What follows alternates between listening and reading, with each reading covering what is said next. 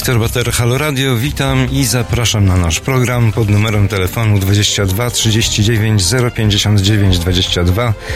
Prosimy o Państwa czynny udział, czynne głosy, branie udziału w naszej dyskusji, a będziemy dzisiaj innymi rozmawiać o prezydencie Poznania Jacku Jaśkowiaku, który jest kandydatem w wyborach Koalicji Obywatelskiej na prezydenta Rzeczpospolitej innymi, ale również o kontrowersyjnym wyroku TSUE, którego Krajowa Rada Sądownictwa akceptować nie chce i w ten sposób będziemy dzisiaj prowadzić ten program. Wspomnimy również o cudownej bramce Roberta Lewandowskiego, która padła ostatnio w ostatnim meczu w poniedziałek. Fantastyczny gol na miarę, jak tutaj się już wspieraliśmy przed programem, Pelego. Zapraszam na program. Radio. A moim Państwa gościem jest Andrzej Jonas z The Warsaw Voice. Witam Pana Andrzeja. Dzień dobry Państwu. Myślę, że ten numer telefonu, który Wiktor podaje, to on taką pamięć ma znakomitą. Nie, on czyta z ekranu. Czytam z kartki, raczej nie z ekranu. Bo ja z ekranu. Zaczynamy od polityki czy od gola Lewandowskiego, Panie Andrzeju?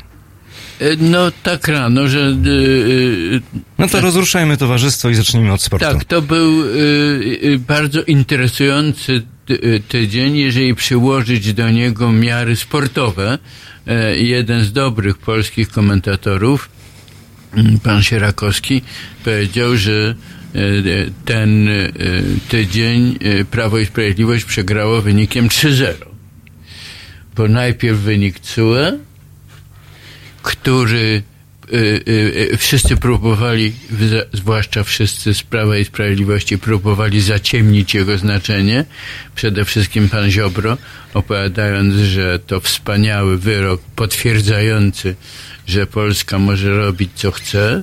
No i robi. I rzeczywiście Trybunał mówi, Polska może robić co chce, ale w granicach prawa unijnego to tak jak na jezdni możemy robić co chcemy, mm, dopóki przestrzegamy przepisów kodeksu drogowego. Więc 1-0 CUE, 2-0 to był co to było? 2-0 to był wynik, no każdy z naszych słuchaczy może sobie ułożyć własną listę. To było wycofanie się e, z tej wielokrotności, trzydziestokrotności, e, to bez wątpienia było 2-0. No i niektórzy na 3-0 dopiszą pana Jastrzębowskiego, ja na 3-0 dopiszę expose pana premiera Morawieckiego, który wystąpił jak La Fontaine z, ze zbiorem wspaniałych bajek, e, które dla dzieci byłyby uwodzicielskie. No ale brzmiało to znakomicie. E, no tak, Rzeczywiście tak, ale, uwodzicielsko. No tak, ale to nie są, znaczy najbardziej uwodzicielskie... Czy lista pobożnych życzeń? No, zbiór bajek właściwie. E, dlatego, że e, i to jedna bajka zastępowała drugą. Znaczy, kiedyś mieliśmy bajkę e, o milionie samochodów elektrycznych, a teraz mieliśmy bajkę o 600 tysiącach pojazdów. Już nie samochodów, tylko pojazdów. Może zaliczane będą również ulubione pojazdy niektórych polityków PiSu, to znaczy te meleksy, na Niektórzy lubią nimi jeździć, bo egzotyczne. No tak, no są jeszcze elektryczne wózki widłowe. Y, y, Oraz inwalidzkie. No, nie chciałbym, y, żeby Polska znalazła się na wózku inwalidzkim, dlatego że czeka nas, nas to znaczy wszystkich ludzi na świecie, niezła ekonomiczna ślizgawica, można się nieźle wykopertnąć e, e, i Donald Tusk, który został właśnie wczoraj e, wybrany na przewodniczącego największej europejskiej partii politycznej, czyli z angielska EPP, czyli Europejska Partia Ludowa, taka chadecja chadecji, e, wszystkich międzynarodówka wszystkich europejskich partii politycznych. Ten wybór pozostawia Donalda Tuska w świecie europejskiej polityki na niesłychanie prestiżowym i wpływowym stanowisku. Jego wpływ. Na jednocześnie odpowiedzialnym. No, chciałbym, żeby wszyscy mieli taką świadomość, że e, wpływowość wiąże się z odpowiedzialnością. No i tu moglibyśmy się spierać. E, no, ja bym chciał. E, czy Jarosław Kaczyński który jest tak wpływowym człowiekiem w Polsce, choć już widać, że nie najbardziej nawet w swoim środowisku politycznym. No zaczęły się pierwsze tarcia i to bo takie pan dosyć Gowin, ostre. Zdaje się, że pan Gowin chwycił, znaczy to jest tak trochę złapał... Pan Gowin i pan Ziobro. Tatarzyna, bo zdaje się, że pan Gowin chwycił pana Kaczyńskiego za gardło, a pan Ziobro e, chwycił pana Gowina. No i czy w takim y, uścisku y, polska grupa Laokona y, zachowa zdolność oddychania, widać, że mają na pewno zadyszkę i tu wracam do tego 3-0. No dobrze, no, to oznacza jedne, wojnę na górze, która się rozpoczęła? Taka bezpardonowa już? W polityce e, jest tak, że to nie są równania. Wobec tego e, to, że coś z czegoś wynika, nie znaczy, że na pewno tak się stanie. E, w każdym razie wiele wskazuje na to, że Prawo i Sprawiedliwość wyczerpało swój impet rewolucyjny, a co za tym idzie. Ale no nie muszą tego impetu utrzymywać, wygrali wybory. No nie muszą, ale. Karty zostały rozdane ale w tego rodzaju środowiskach, e, nie chciałbym używać bardziej dosadnych e, sformułowań, zwykle dochodzi do problemu podziału łupów po zdobyciu jakiegoś terytorium, no można powiedzieć. No dobrze, więc kto się, kto się czego domaga w tym momencie? Dziś rano słyszałem, bo są też radia, które wcześniej jeszcze zaczynają niż my. E, dziś rano usłyszałem, e, e, że podobno pan Gowin i pan Ziobro domagają się więcej foteli, żeby nie powiedzieć stołków, w tym również foteli wojewodów.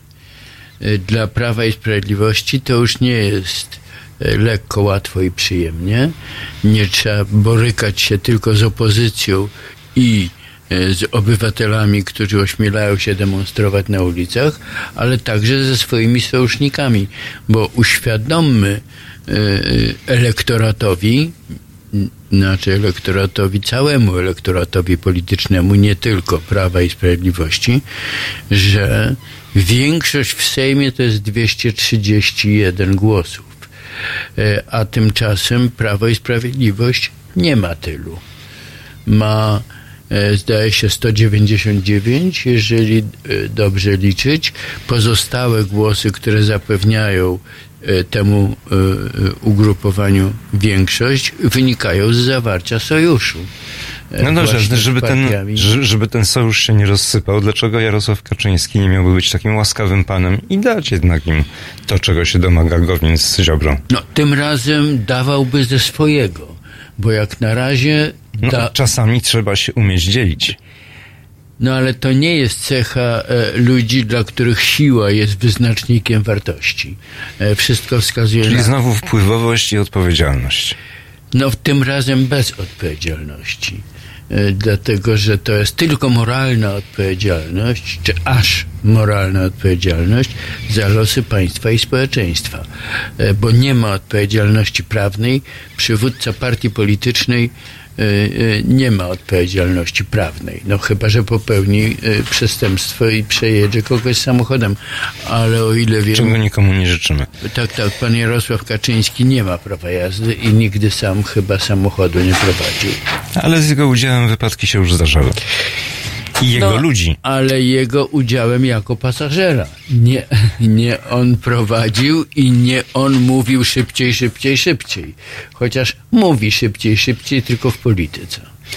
To przejdźmy do kolejnego tematu. Upolityczniona Krajowa Rada Sądownictwa nie przejęła się wyrokiem Trybunału Sprawiedliwości Unii Europejskiej i prowadzi nowy konkurs do Sądu Najwyższego. Ty mówisz, Wiktor, tak jakby wszyscy y, operowali tym samym językiem i wszyscy rozumieli to samo pod y, y, tymi samymi terminami. Mówisz upojona, upolityczniona upojona władzą, upolityczniona, upolityczniona KRS. Co znaczy upolityczniona? To znaczy w całości niemal wybrana przez polityków. E, myśmy e, przyzwyczaili się w obrębie naszej cywilizacji, czyli europejskiej, e, że najbardziej skuteczna dla wykonywania rządów jest formuła trójpodziału władzy.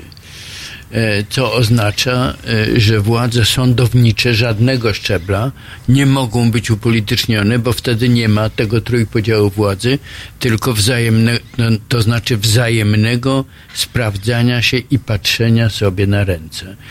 E, Prawo i Sprawiedliwość lansuje opinię, że skoro większość głosujących E, e, zapewniła im większość w Sejmie, im to znaczy trzem partiom będącym w sojuszu prawicowym, to im wolno wszystko. Otóż nie wolno wszystkiego, wolno tylko tyle, na ile zezwala prawo, a strażnikiem zachowania tej wstrzemięźliwości są właśnie niezależne organy sądowe. E, z wyroku e, Trybunału Sprawiedliwości Unii Europejskiej w Luksemburgu e, można wyczytać, że o tym, ile wolno w Polsce decyduje polski sąd Czyli stawiamy się poza Europą? Nie. Polski Sąd Najwyższy ocenia czy uchwalane prawa i praktyka mieszczą się w kanonie polskiego prawa, ale także prawa europejskiego, które jest, znaczy to polskie prawo jest częścią prawa europejskiego, a polski system sądów jest częścią europejskiego systemu sądów. I bez względu na to, e, co e, pan Ziobro i jego akolici e, albo ciągle zmieniający zdanie wybitni przedstawiciele Prawa i Sprawiedliwości stojący na czele Sejmowej Komisji e, e,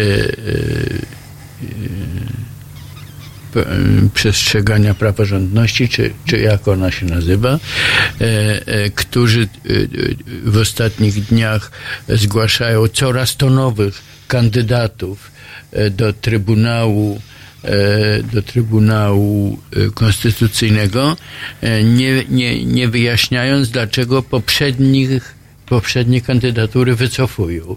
Już dwukrotnie mamy do czynienia z taką sytuacją i ciągle obywatele skazani są na domysły, co wypadnie z bębna losującego w następnym dniu.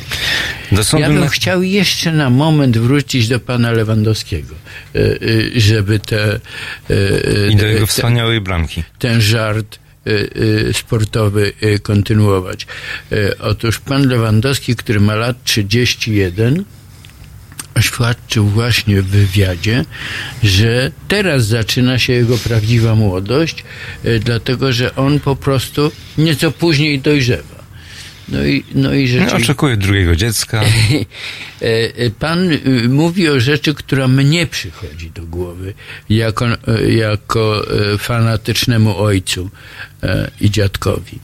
Mianowicie to, że forma Lewandowskiego rozkwita, moim zdaniem, jest związane właśnie z tą jego cieszynką, którą pokazał na boisku, to znaczy piłka e, pod koszulką, symulująca ciążę e, i palec, w, kciuk w ustach, symulujący Smoka. smoczek. smoczek.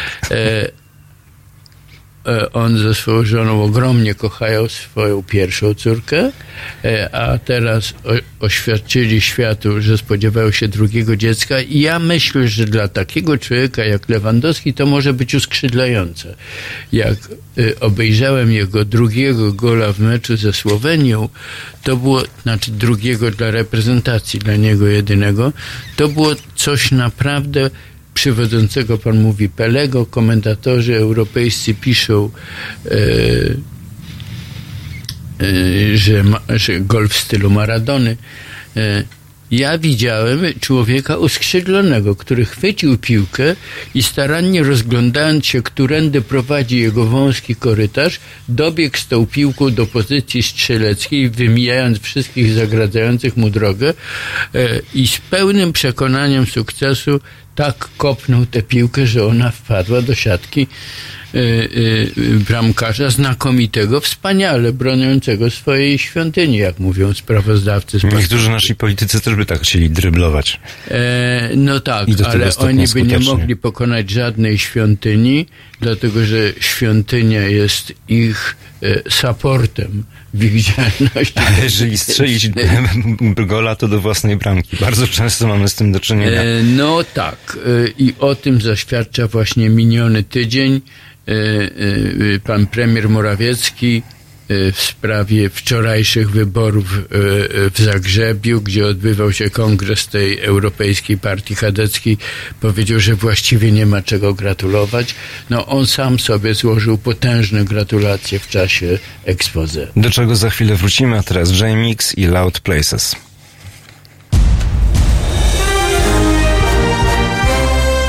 Jutro. Między 17 a 19 Agnieszka Żądło da upust swojej reporterskiej pasji. 17-19. www.halo.radio. Słuchaj na żywo, a potem z podcastów.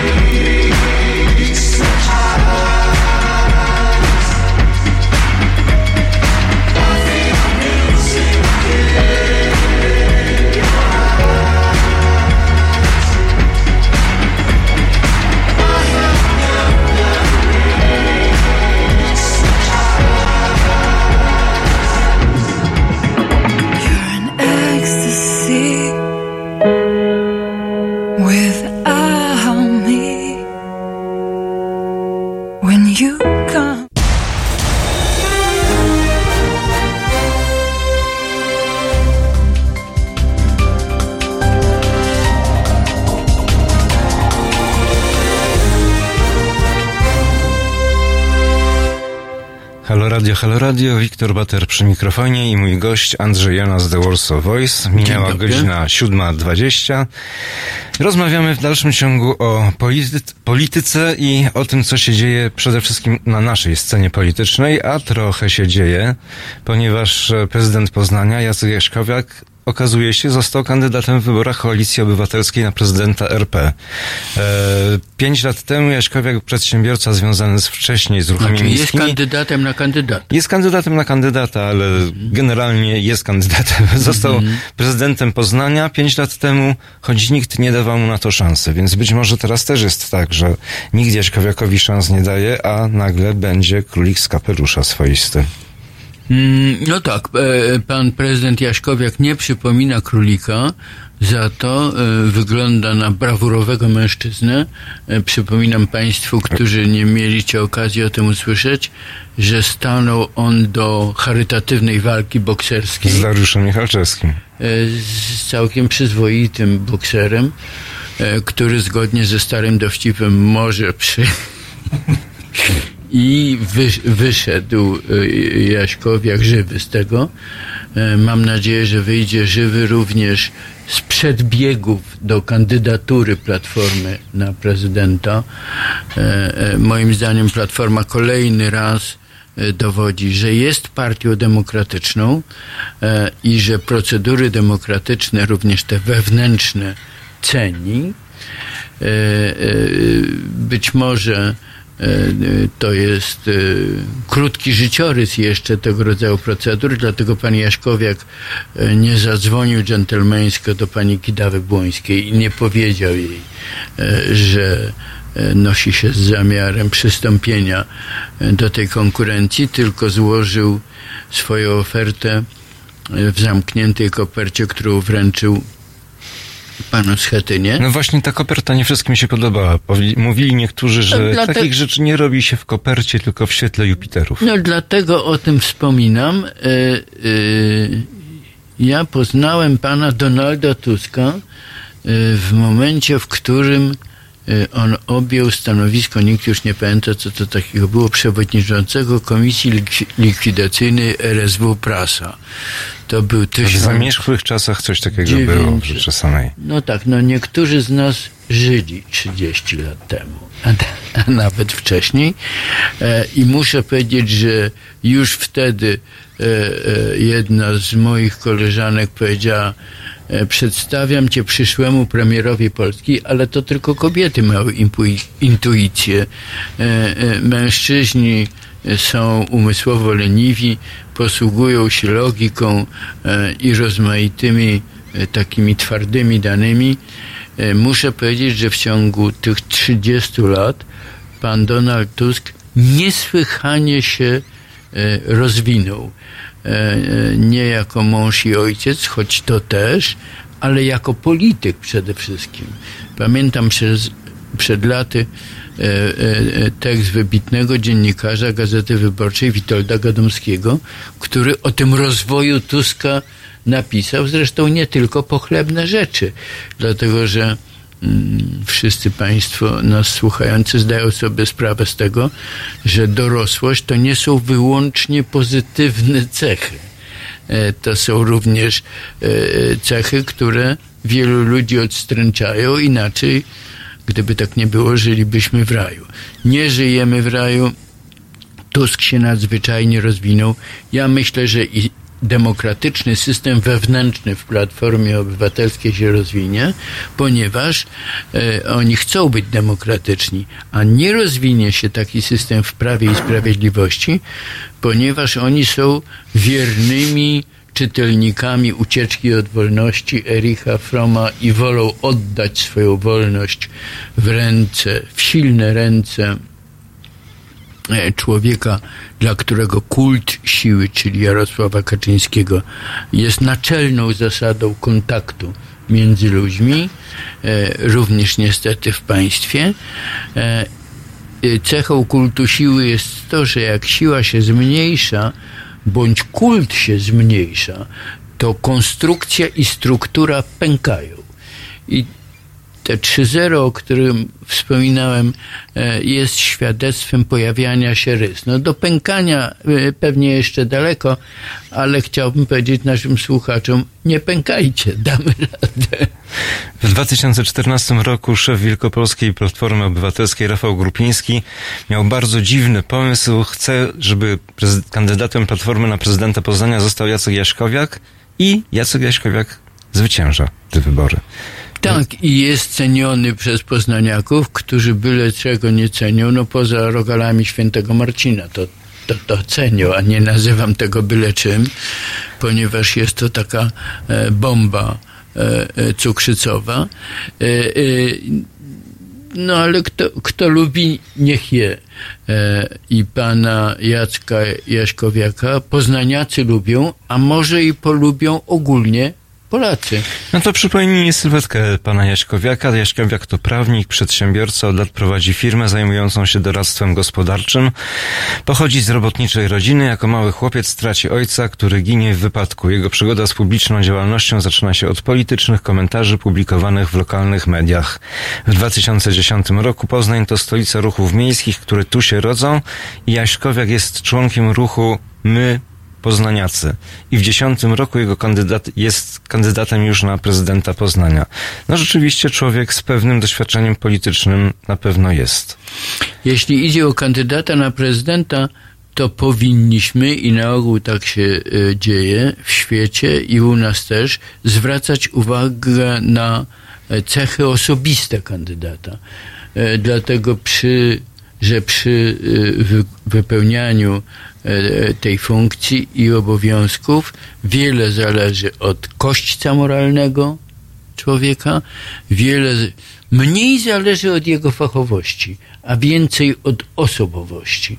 Otóż pan Jaśkowiak e, prezentuje się jako e, e, e, mężczyzna o poglądach, przepraszam wszystkie panie za użycie słowa mężczyzna, ale nie ma wątpliwości, że pan Jaśkowiak e, jest mężczyzną.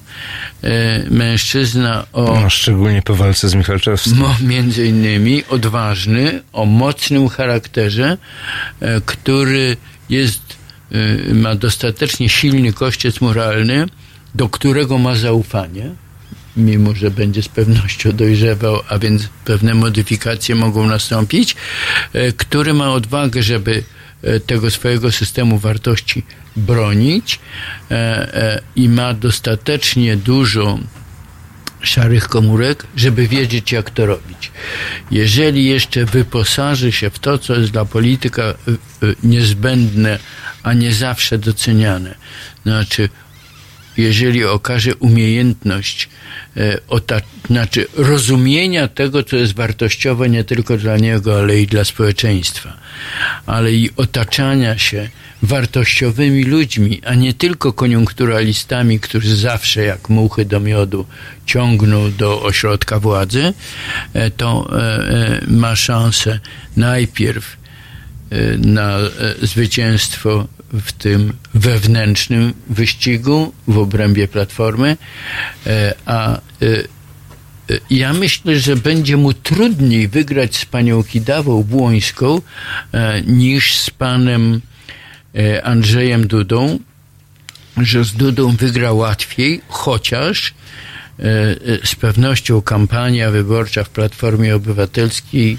w niczym nie będzie przypominała kampanii wyborczej w Polsce. Ale dla konserwatywnego elektoratu Jaśkowiak może być nie do zaakceptowania. Na przykład wspiera gejów i lesbijki, powołał pełnomocnika do spraw równego traktowania w Poznaniu. Brał udział w Paradzie Równości w 15 roku. To się nie musi w Polsce podobać. Nie musi, y, ale y, y, to, co jednym się nie podoba, to innym się podoba. E, I, no i teraz kto weźmie górę? Polskie, no więc polskie badania socjologiczne e, e, wykazują, że elektorat jest daleko bardziej liberalny niż usiłują to głosić tak zwani konserwatywni, bo wcale nie konserwatywni, e, polscy działacze polityczni. E, mnie wystarczyło, jak oglądałem czarne marsze kobiet i siłę, z jaką kobiety w przeciwieństwie do troszkę E, e, nadmiernie elastycznych polskich mężczyzn, którzy nie potrafią być tak zdeterminowani jak polskie kobiety. O których to kobietach pani Krystyna Pawłowicz, o czym za chwilę mówi, że są szmatami. Podobnie szmatą nazywa unijną flagę. Ale to już nieco inna historia. Teraz Kings of Convenience, I would rather dance with you.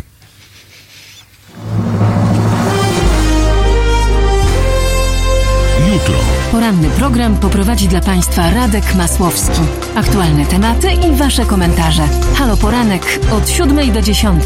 www.halo.radio. Słuchaj na żywo, a potem z podcastów.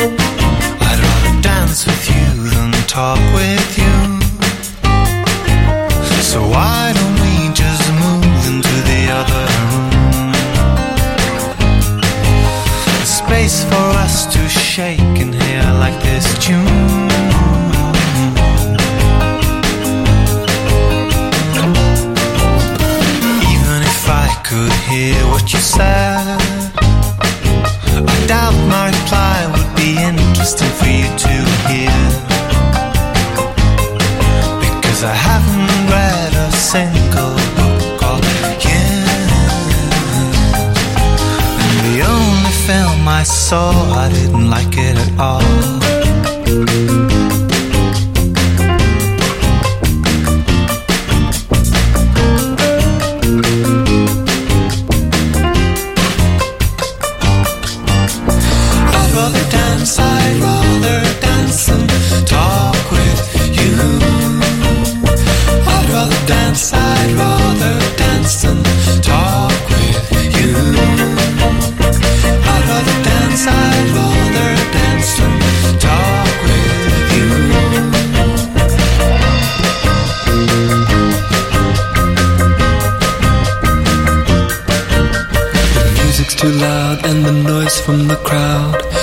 Increases a chance of misinterpretation. So let your hips do the talking.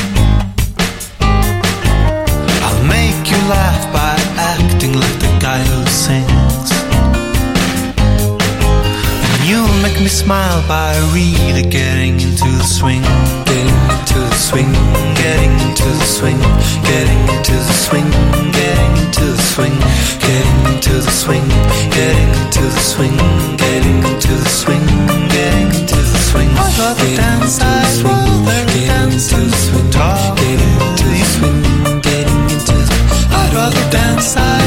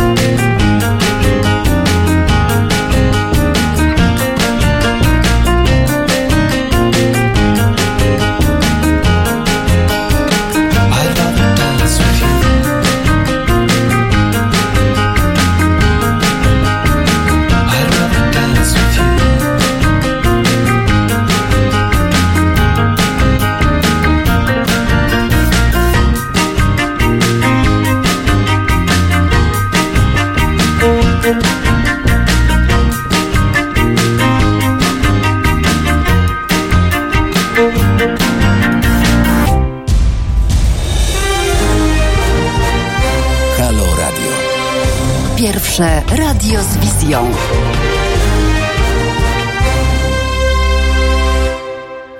Halo Radio, Halo Radio, Wiktor Bater przy telefonie i mój i Państwa gość Andrzej Jonas The Warsaw Voice. Rozmawiamy o szeroko pojętej polityce i przejdźmy w tej sytuacji, dajmy odetchnąć naszym słuchaczom od polityki polskiej, Również od Donalda Tuska, jak pisze jeden z naszych słuchaczy, ma już dość słuchania o Donaldzie Tusku, więc No Właśnie, przejdźmy właśnie- do innego Donalda, do Donalda Trumpa. A właściwie po co mówić o najwybitniejszym polskim polityku doby współczesnej? E, e, Porozmawiajmy o e, człowieku, który do polityki największego światowego mocarstwa i gwaranta stabilizacji w świecie wniósł czynnik handlowy. E, Ja tu e, kiedyś okazałem niegrzeczność e, i nazwałem politykę Donalda Trumpa polityką straganiarską. Lepszego sformułowania używa sam Donald Trump i jego najbliżsi współpracownicy, tacy jak jego główny prawnik, pan Giuliani, kiedyś wychwalany niezwykle w Polsce, e, e, gdy był gubernatorem Nowego Jorku, za prowadzenie polityki zero tolerancji. Otóż to nie jest zero tolerancji dla niego, czyli Giulianiego i dla Donalda Trumpa. E, On nazywa politykę Trumpa e, jako opartą na formule coś za coś. No, jakże to bliskie sformułowaniu straganiarstwo, choć podobno e, bardziej e, eleganckie. Otóż e,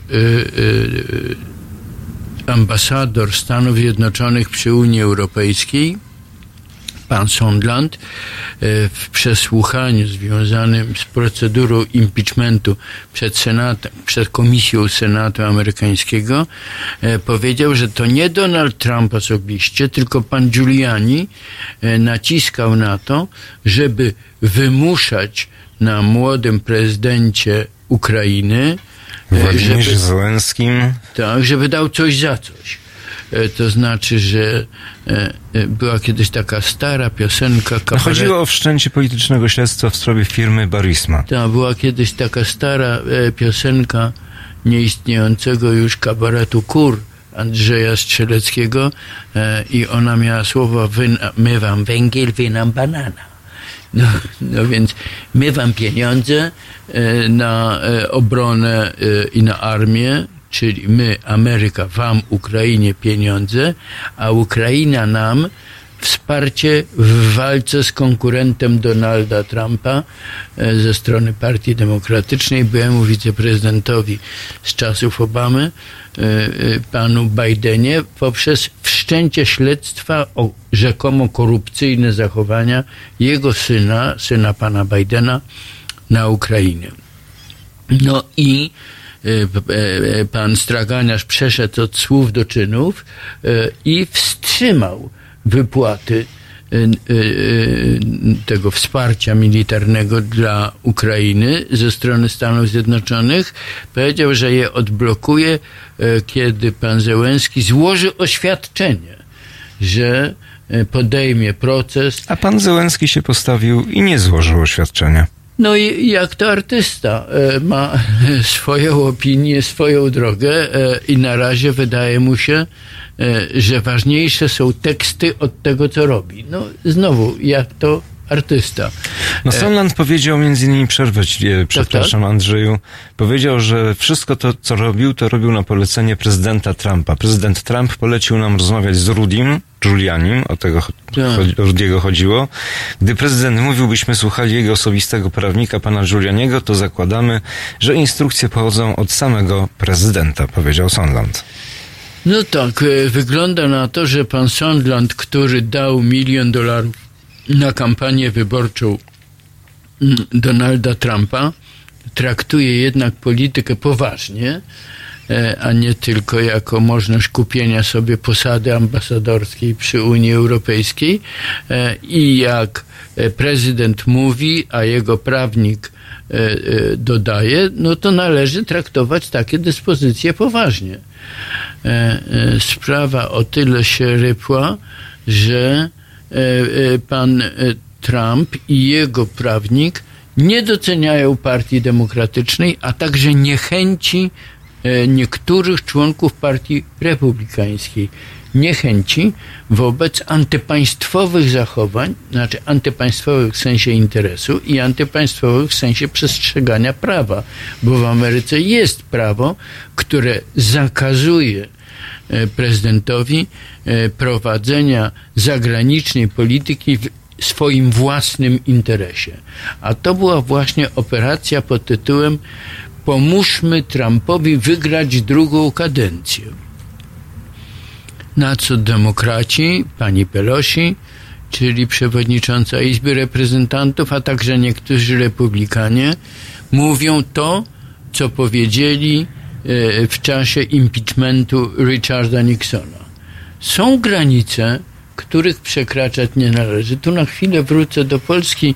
Chciałbym, żeby jakaś odpowiedzialna instytucja w Polsce powiedziała e, e, tym wszystkim, którzy mówią, że wyrok TSUE nie ma żadnego znaczenia, wręcz jest korzystny dla polskiej tak zwanej reformy systemu sprawiedliwości, są granice, których przekraczać nie wolno. Jeżeli Sąd Najwyższy orzeknie, że e, KRS jest upolityczniona, to KRS zostanie rozwiązana ze wszystkimi skutkami tego. To nie znaczy, że trzeba zbudować, e, e, zburzyć ten gmach 70 tysięcy spraw, które zostały osądzone przez niewłaściwie powołanych przez niewłaściwy organ, znaczy e, sędziów. E, e, to znaczy, że prawo wreszcie trzeba zacząć traktować poważnie, a nie robić takie dyrdymalne głupstwa, jak krakowski sąd, który na 70 lat utajnił akta budynku czy innych operacji nieruchomościowych pana Banasia. No, e, ktoś powiedział, że dlatego na 70 lat, bo e, e, trzeba poczekać, aż wymrą wszyscy świadomi, o co w tej sprawie chodzi. Marzyłbym o tym, żeby dotrzeć do takiego lądu, na którym obowiązuje prawo. Chcę tu przypomnieć naszym słuchaczom, że Polska miała za sobą w tej dziedzinie dobrą tradycję. E, Jak po 123 latach ponownie stała się e, jednolitym państwem, to wydała dwa najnowocześniejsze wówczas w Europie kodeksy. E, Kodeks karne i kodeks cywilny, które obowiązywały również w PRL-u. Notabene były dziedzictwem kodeksów napoleońskich. No ale to zamierzchła przeszłość. Ale wróćmy jeszcze do Donalda Trumpa. Wyciekła jego notatka, z której wynika, e, co następuje. Nie chce niczego. Od Ukrainy miał napisać Donald Trump. Nie chce absolutnie niczego, nie chce żadnego qui pro quo.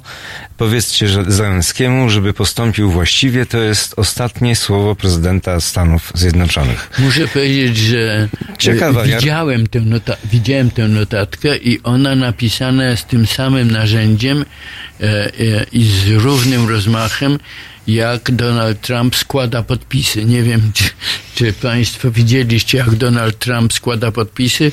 Zupełnie jakby Są to przeogromne elaboraty. Zupełnie jakby przymierzał się na swoim polu golfowym y, w, y, Do kolejnego uderzenia. na Florydzie do tego, żeby trachnąć kijem piłkę. E, e, No Donald Tusk, który, o którym Państwo nie chcecie słych, słyszeć, haratał w gałę, a ten wali piłkę golfową. Tu piłka i tu piłka. Tu okrągło i tu okrągło. Co będzie z impeachmentem? Będzie impeachment? To jest bardzo mało prawdopodobne, dlatego że nikt, nawet y, demokraci amerykańscy, y, nie chce skompromitować swojego państwa. No, y, niechlubnym wyjątkiem są tutaj niektórzy polscy prawicowi, radykalnie prawicowi, polscy politycy, którzy panią Pawłowicz i pana Piotrowicza lansują na sędziów Trybunału Konstytucyjnego. A mówiłem, że wrócimy do pani Krystyny Pawłowicz? No to jest, no, no, no dlatego, że ona pasuje do tylu równań, że trudno nie sięgać do niej jako do pewnego wzorca. Choć może nie wzorca e, e, metra z Sèvres pod Paryżem, e, ale ona jest wzo, wzorem e, zachowań, których wielu ludzi w Polsce nie chce i na których, tak jak i na mnie, wy, wy, wywierają one takie obrzydliwe wręcz wrażenie. Słyszałem jej wczorajszy atak w tej komisji kierowanej tym razem przez kompletnie zdezorientowanego pana Asta, e, jak wykrzykiwała różne obelgi pod adresem e, pani poseł Gasiuk-Pichowicz. E, Ja jestem silnym zwolennikiem żeńskich form, a jak bardzo trzeba walczyć z męskimi, wskazuje i to, że powiedziałem pani poseł, a nie powiedziałem pani posłanki. E, Trzeba walczyć. Mężczyźni kiedyś dokonali grabieży w języku e, e, i ta grabież była tylko jednym ze świadectw niewolnictwa kobiet, nie waham się tak powiedzieć. Niewolnictwa kobiet. Fakt, że powszechnie kobiety po zamążpójściu pójściu przyjmują nazwisko e, swojego męża e, jest świadectwem tego niewolnictwa, dlatego że od tego momentu im się odbiera nawet ich własną osobowość i każe im się uważać to za przejaw szczęścia, które je spotkało. E, Znam pewnego młodego, wybitnego aktora, który przyjął nazwisko żony. Muszę powiedzieć, że jest bardzo szczęśliwy. Do, kogo, do czego zmierza ten świat, panie Andrzeju? Ta, ta, tak się martwi bezże, bezżenny Wiktor. Wróćmy w takim razie jeszcze do Donalda Trumpa. Jak Donald Trump ma w tej chwili rozmawiać z Ukrainą? Dlatego, że jest to jednak rzeczywiście poważny problem w stosunkach między Waszyngtonem a Kijowem. Znaczy ja myślę, że ważniejszą dla, znaczy te wszystkie rzeczy się łączy, wszystko ze wszystkimi, ale ważniejszy dla nas jest problem e, e, wartości NATO, która jest zagrożona, a wczoraj pan Stoltenberg, Stoltenberg e, czyli sekretarz generalny NATO, powiedział, że e, destrukcja NATO będzie prowadziła także do destrukcji Unii Europejskiej. Tym bardziej trzeba wrócić do starej europejskiej idei posiadania własnych sił zbrojnych i bycia sojuszem nie tylko gospodarczo-moralnym, gospodarczo-politycznym, ale także militarnym. Ale NATO trzeszczy w, szwach, tak czy siak. E, To, co się dzieje w Syrii z Turcją, cała ta historia, to nie służy jedności Paktu Ang- Północnoatlantyckiego. e, Amerykanie, Anglicy mają taki ładny zwrot kryzys przywództwa. E, I to chyba z tego względu, e, jeżeli e, przywódca e, przerabia politykę e, walki o wartości na politykę kramarską, to co się dziwić, że cała organizacja, jak mówić, trzeszczy w szwach. I to jedna z największych armii NATO. No, Mówię to jest największa w his- największy w historii sojusz polityczno-militarny. Nawet Święte Przymierze nie było tak duże. Co robić ze Stanami Zjednoczonymi w tej sytuacji? Stany Zjednoczone, które nakładają sankcje, grożą nakładaniem sankcji na Turcję, a jednocześnie są ich sojusznikami. No są takie y, państwa tej wielkości i tej potencjalnej siły, które mogą się zreformować tylko same. To jest Rosja. Y, y, Naiwne i dziecinne są przekonania, że ktokolwiek z zewnątrz mógłby zreformować Rosję, Chiny, Indie i Stany Zjednoczone. Rosja zreformuje się sama. Także Rosja może się zreformować tylko sama wtedy, kiedy wydobędzie się naród rosyjski o własnych siłach z tej czeluści, w którą, w którą autorytarne władze od Piotra I ją wciskały. No, czy to jest takie proste? Nie wydaje się. Jak to jest proste, Rosjanie to są wiemy, przyzwyczajeni do rządów silnej ręki. No jak wiemy, y, że to nie jest proste, y, wiemy o tym spacerując po rozmaitych cmentarzach, y, na których leżą ci, którzy próbowali zmienić Rosję. Jest to jeden z poważniejszych problemów. Tak. tak No być może nie najpoważniejszy, bo teraz najpoważniejszym problemem jest problem klimatyczny, e, bo, bo jest na pewno ale, skuteczniejszy ale niż trzeba by dla Rosji. No dla wszystkich. E, Jak puści na Syberii wieczna zmarzlina, e, to już nam święty Boże nie pomoże. No ale my z radością kupujemy węgiel rosyjski. E, no, nam to nie jako paserzy, jako paserzy, dlatego że on jest ukradziony w Donbasie, u, ukraiński węgiel. To prawda. Tymczasem kolejne samorządy w Polsce zakazują palenia w piecach i kominkach. No właśnie, jakby nie miały problemów ze swoim własnym rządem, I to już, nie, to już im- nieważne. Paserski węgiel, nie No paserski właśnie. węgiel.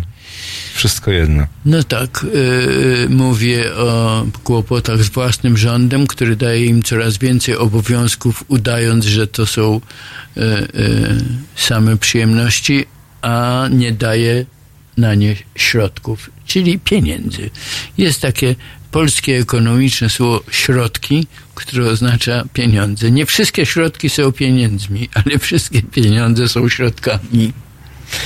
E, wróćmy jeszcze do posiedzenia Sejmu, do ekspozy Mateusza Morawieckiego. Potem było wystąpienie Adriana Zandberga. Wielu polityk, politologów określiło, że Zandberg pokazał się na tle Morawieckiego jako rzeczywiście dojrzały, silny, mocny polityk. To jest już drugie w, his- w politycznej historii e, publicznej Adriana Zandberga wystąpienie, w którym dowiódł on, że charyzma, czyli nieuchwytna osobista cecha, która przyciąga No sympatię. właśnie, znowu ta charyzma. No tak, wiedzą o tym e, wszyscy panowie i wszystkie panie, którzy ubiegają się o względy partnera. Jak mają charyzmę, to są skuteczni, a jak charyzmy nie mają, to muszą oglądać zakazane filmy. A Czym pana Andrzeja urzekł Adam, Adrian Zandberg w swoim E, wystąpieniu? siłą głosu, celnością sformułowań, prostotą i zrozumieniem, a także bijącym z jego wypowiedzi przekonaniem o słuszności tego, co mówił. No w internecie to wystąpienie obejrzało ponad 120 tysięcy osób. No tak, i Niebywały on wynik. nie był, y, znaczy to charakterystyczne, że jakkolwiek jestem zwolennikiem zachowań elastycznych i liberalnych, tym niemniej cieszy mnie, kiedy polityk, który o coś walczy, nie jest ciamcia-ramcia. E, On nie jest ciamcia-ramcia, a równocześnie nie ma żadnych skłonności, które u osoby jego pokroju, to znaczy rodzaju męskiego, taki samiec alfa, i młody mężczyzna nie objawia skłonności do tego, żeby się przedzierzgnąć w satrapę choćby wewnątrz własnej partii. Serwis Polityka w sieci na Twitterze podsumował. Po ekspoze jeden z liderów lewicy, Adrian Zandberg, wzbudza większe zainteresowanie niż występy Mateusza Morawieckiego. No takie jest y, ogólne wrażenie, a gdyby starać się odpowiedzieć na pytanie dlaczego, to odpowiedź jest taka sama, dlaczego jedna pani albo jeden pan nam się bardziej podoba niż inny. No nie dlatego, że podane są wymiary tu i ówdzie e, i że my najpierw patrzymy w te zestawy wymiar, wymiarów, a potem dopiero określamy stosunek do osoby. E, Mnie się wydaje, że to są właśnie te nieuchwytne cechy, które nie są tym razem feromonami związanymi z zapachem, na przykład, bo przez telewizję zapach nie, nie przechodzi, wszystko przechodzi poza zapachem. Czasami może to i lepiej. Czasami to jest na pewno lepiej i znowu niegrzecznie odwołam się do e, symbolu, jakim jest pani Pawłowicz. E, e, więc od pana zapacha, zapacha, od pana e, Zandberga. Zandberga e, e, bije taka, taka aura mm, wewnętrznych wartości. No ale to znaczy, że rośnie nam nowy, poważny lider polityczny? No on ma jeszcze przed sobą te, te No, etapy, o których y, y, mówiłem w odniesieniu do innych polityków, czyli dojrzewanie. E, Jak mówiłem, to dojrzewanie nie zawsze łączy się wyłącznie z pozytywnymi e, cechami.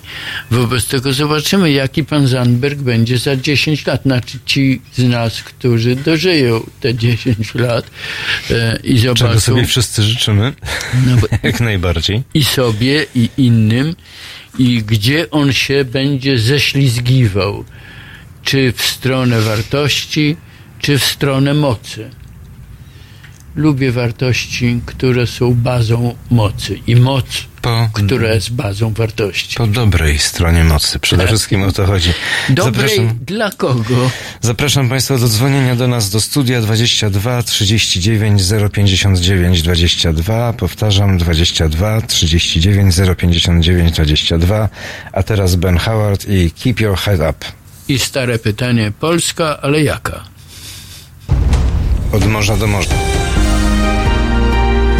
W niedzielę po kościele. Od 19 do 21 publicysta i wydawca Marcin Celiński będzie sumować tydzień wraz z gośćmi w studio i z Państwem. 19.21. www.halo.radio. Słuchaj na żywo, a potem z podcastów.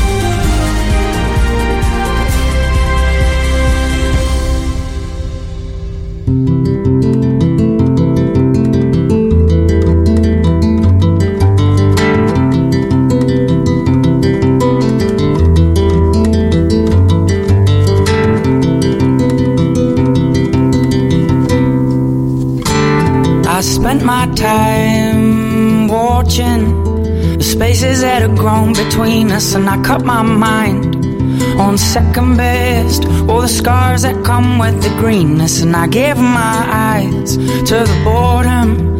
Still, the seabed wouldn't let me in, and I tried my best to embrace the darkness in which I swim.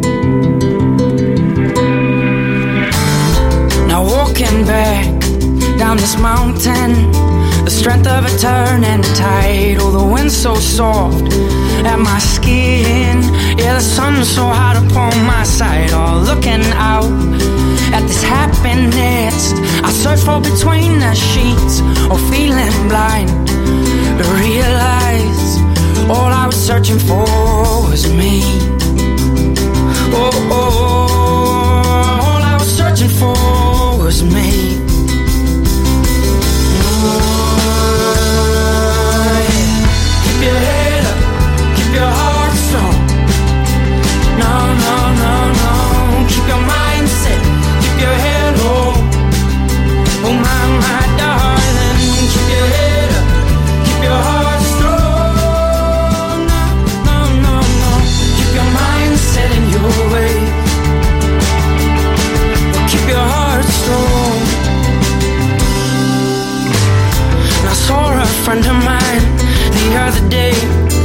Told me that my eyes were gleaming. Oh, I said I'd been away, and he knew, oh, he knew the depths I was meaning, and it felt so good to see his face, all the comfort invested in my soul, or to feel the warmth of his smile when he said, I'm happy to have you home. Oh, oh,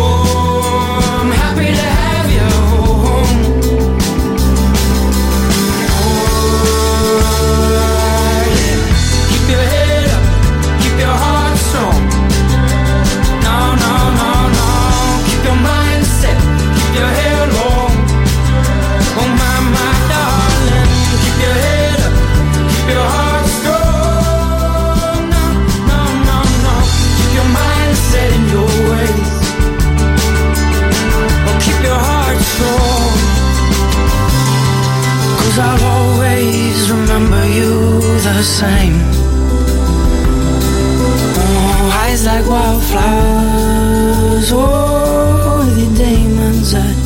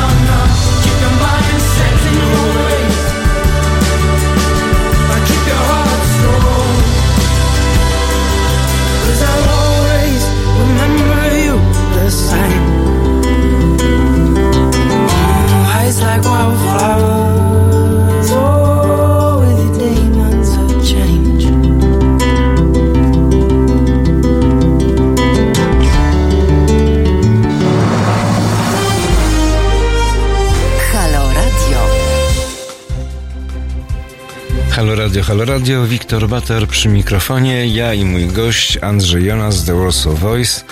Telefon do nas do studia, zapraszamy do dzwonienia, do rozmów z nami 22 39 059 22 39 059 22.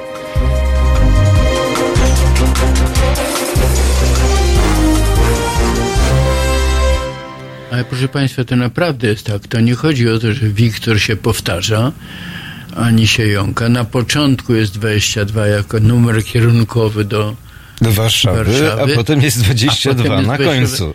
Jako element właściwego numeru telefonicznego. Rozmawiamy już godzinę z panem Andrzejem, teraz minęła godzina ósma. Rozmawialiśmy, rozpoczęliśmy tę rozmowę od piłki nożnej. Pan Andrzej przekazywał różne swoje prognozy, kto, jak i do czego i po co dzwoni e, i z kim wygrywa i w jaki sposób to robi. Natomiast w tej chwili się okazuje, że wybuchł skandal z murawą Stadionu Narodowego, panie Andrzeju. Mecz wspaniały, wspaniała bramka Lewandowskiego, a tutaj taki skandal. No tak, znamy się na wszystkim, ale na murawie już się znam najmniej. E, e, chcę powiedzieć, że widziałem, oglądając transmisję z tego meczu, że e, rzeczywiście tam się więcej piasku sypało z tej trawy niż powinno się sypać i kilku Tam trawy to w ogóle chyba nie było. No możemy powiedzieć w każdym razie, Parę że e, obu drużynom służyła ta sama murawa. E, a, e, Sprawiedliwie.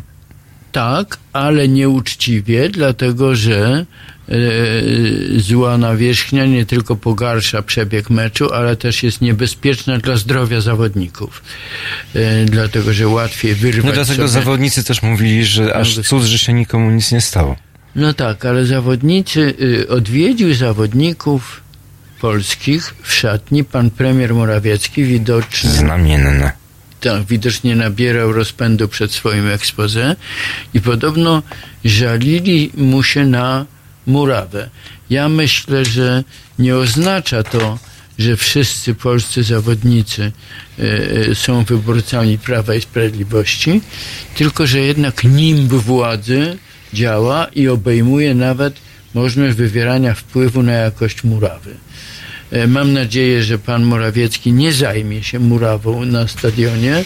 No Władimir Putin by się tym zajął osobiście. Kazałby, od razu poleciałyby koronowane głowy w PZPN-ie między innymi. No tak, ale nie, chci- nie chcielibyśmy chyba, żeby wszystkie cechy e, rosyjskiego prezydenta odtwarzał e, pan Morawiecki. Zresztą ja bym wtedy prorokował, że jego przyszłość polityczna e, szybko się zakończy, dlatego że Jarosław Kaczyński nie dopuściłby do takiej kumulacji mocy w osobie polskiego premiera, bo przecież to on, Jarosław Kaczyński, No chociaż e, coraz częściej się słyszy, że zmierzamy, że zmierzamy w kierunku putinizacji naszej polityki. No tak, e, tak się mówi, ale chyba dla uproszczenia. E, dlatego, że nawet władza pana Kaczyńskiego. E, nie zbliża się do podnóżka władzy Putina, e, między innymi z tego powodu, e, e, e, dla którego Stalin mówił, e, że e, tej polskiej krowy nie da się osiodłać. Czyli jednak po, komunizmu, komunizmem e, i dlatego nie zgodził się e, na spełnienie marzeń niektórych polskich komunistów, którzy chcieli, żeby Polska stała się jedną z republik Związku Radzieckiego. czyli chwilę po godzinie ósmej odrobina optymizmu na naszej antenie. Mamy Ale telefon od naszego nic Nie jest słuchacza. stracone. Mamy telefon od naszego słuchacza. Halo Radio, halo. Dzień dobry panom, Piotr z tej strony. E, Dzień dobry, panie Piotrze. się e, z uwagą e, dyskusji, jaka jest prowadzona przez panów. Nasunęło mi się, nasunęły mi się trzy takie pytania. Pierwsze podstawowe m, pytanie e, jest związane z wypowiedzią pana Andrzeja odnośnie m, demokracji i trójpodziału władzy. Czy nie mają panowie wrażenia, że e, jak gdyby od 30 lat u nas nie ma trójpodziału władzy, jest ewentualnie dwupodział władzy. Mam tu na myśli władzę sądowniczą i notorycznie przenikającą e, między sobą władzę ustawodawczą i wykonawczą. Czy nie uważają panowie, że patologią jest, żeby poseł był posłem, jednocześnie pełnił funkcję e, premiera, ministra i pobierał z tego tytułu jeszcze e, pobory. To jest moje takie pierwsze pytanie i uważam, że to w najbliższym czasie, jeżeli zmieni się ta władza, która obecnie jest, powinno być no, wzięte pod uwagę e, obu izb parlamentu. Czy E, pozwolisz, do- Wiktorze, że, Tak. że, że ja słuchaczowi, że ja panu spróbuję y, y, natychmiast, ale niezłośliwie odpowiedzieć. Tak, tak. E, e, ze zdania, które pan wypowiedział, że od 30 lat nie ma w Polsce trójpodziału władzy, w, wysnuć mogę złośliwy wniosek, że sądzi pan, że przedtem był e, e, trójpodział władzy. Otóż Nie, nie, nie, nie, nie. Nie, Przepraszam, wejdę w słowo. to ja przepraszam, nie będę już więcej złośliwy. E, Nie rozważam, e, nie rozwa- mówimy o, o naszym o nas, naszym demokratycznym życiu w ciągu 30 lat od 89 roku. Nie biorę pod uwagę okresu PRL-u, bo tam nie było demokracji, pomimo, że oni się nazywali demokracją ludową. Ale no, ale socjalistyczną. Tak, tak, dokładnie. Wie pan, socjalistyczna ale... to brzmi tak samo jak nieliberalna. E, e, demokracja jest tylko i wyłącznie bezprzymiotnikowa. To, to znaczy... Tak, za... dokładnie. No, zgadzam się, panie Andrzeju, y, w 100%. Tak, no więc- rozważamy, rozważamy poważny okres e, naszej, naszego państwa, naszej państwowości, na e, naszej demokracji. Jeżeli pan pozwoli, to ja bym Tak. e, e, t, Proszę tutaj e, pewną e, filozoficzną e, innowację wniósł do Monteskiusza. Mianowicie, moim zdaniem, nie trójpodział władzy, tylko czwórpodział władzy. Nie zapominam, bo widzę ją bardzo wyraźnie o sile prasy.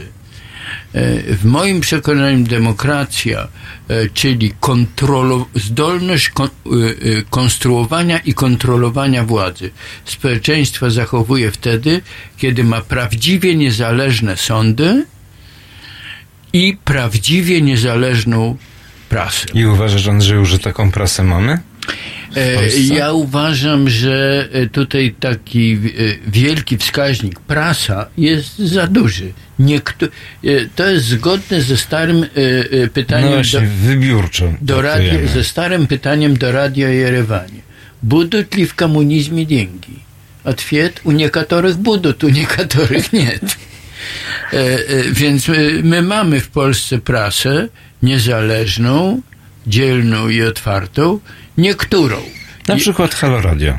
niektórzy są tacy, znaczy to zależy od dziennikarzy, to zależy również od właścicieli, ale przede wszystkim od dziennikarzy, bo są tacy dziennikarze, to jest taka choroba naszego zawodu, że jak nam dać palec, to chwytamy za całą rękę. E, I o tym wszystkie autorytarne władze zawsze wiedzą. Jak się dziennikarzowi da trochę, to on chce wszystko. Wszystko to, zna, to znaczy całkowita niezależność. I o sprawie pana Banasia, przecież to dziennikarze rozprzestrzeniają tę informację otrzymaną, w moim przekonaniu, od służb. E, e, e, Pewnie za dużo czasu zajęłoby moje rozważanie, co my widzimy na powierzchni, a co jest pod spodem. Moim zdaniem my ciągle obserwujemy walkę sił wpływowych i niejawnych. I między innymi z tego powodu dziennikarze mają używanie. E, e, e, Pamiętacie Państwo taką aferę Watergate? Przecież to nie dwóch dzielnych chłopaków z działu mie- miejskiego Washington Post zdecydowało, że dość już tego brykania Nixona, że trzeba bronić amerykańską demokrację, tylko wiceszef FBI, który nadał sobie piękną ksywę głębokie gardło i tak potrafił prowadzić tych dwóch zdolnych reporterów.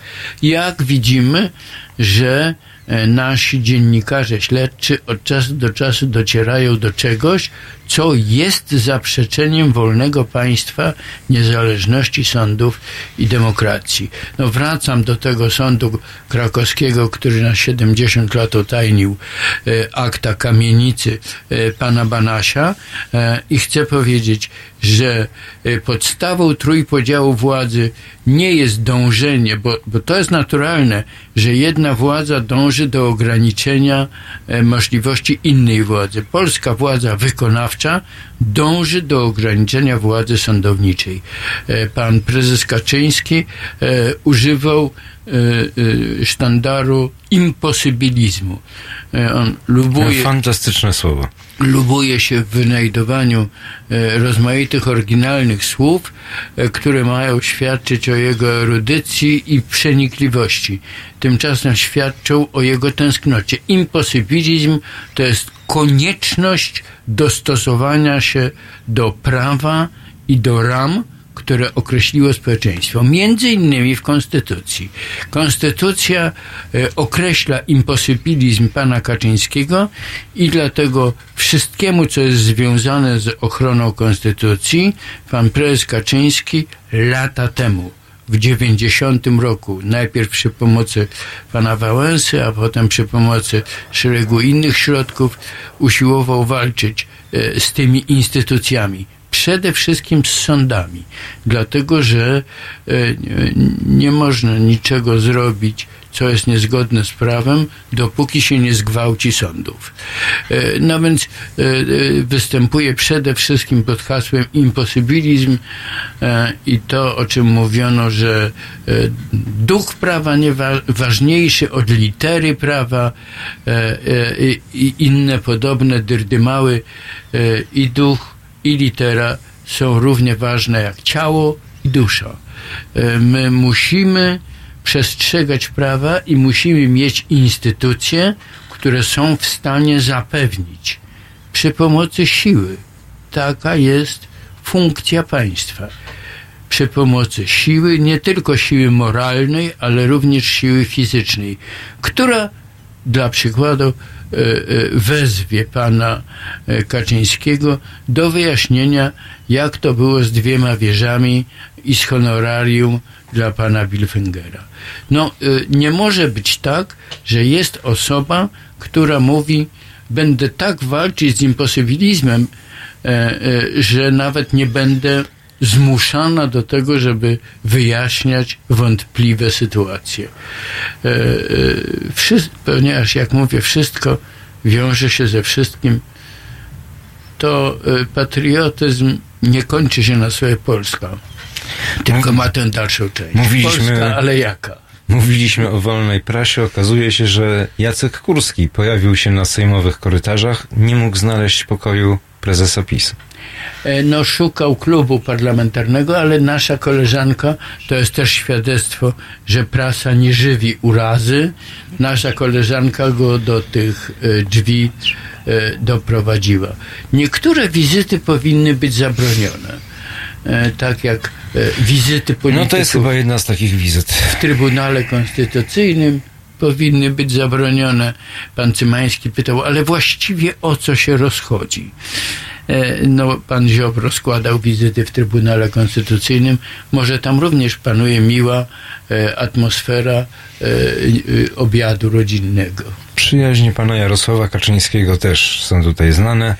Panie Piotrze, czy miał pan jeszcze jakieś pytanie do naszego gościa? Tak, przepraszam, Andrzeja? ja pana zagadałem, ale to jest choroba zawodowa. Chyba pan Piotr się niestety rozłączył.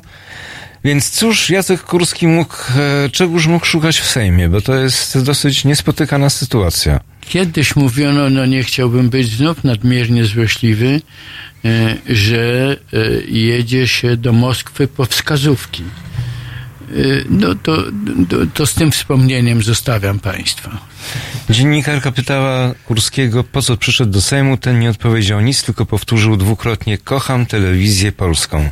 To do Sejmu przychodzi się, jak się kocha telewizję polską? Pytała dziennikarka. Oczywiście, że tak, odpowiedział prezes TVP. No najwyższe spełnienie miłości to łożnica, więc nie wiem, czy w klubie parlamentarnym znalazł tę łożnicę, czy nie. A ja zwracam się do Państwa z prośbą o telefony 22 39 059 22. Powtarzam raz jeszcze ku uciesze Andrzeja Jonasa 22 39 059 22. I znów 22. Cały czas to 22 się przewija. To jest, taka, pę- chwili to jest taka pętla. swoista. Mursa Masa Love for Dead.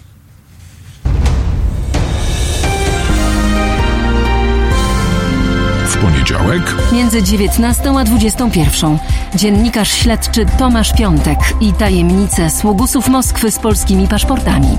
19.21. www.halo.radio. Słuchaj na żywo, a potem z podcastów.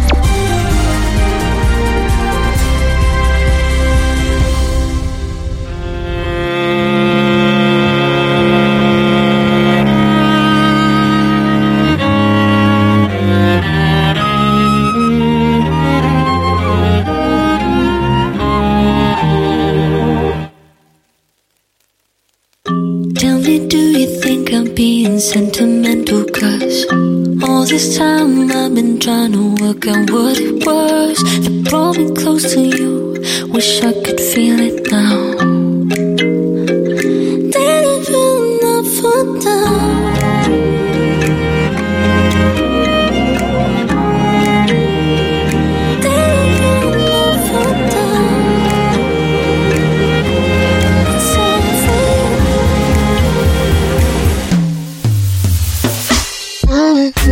dancing, always been dancing, always been dancing, always been dancing, always been dancing, always been dancing, always been dancing. It's all for you.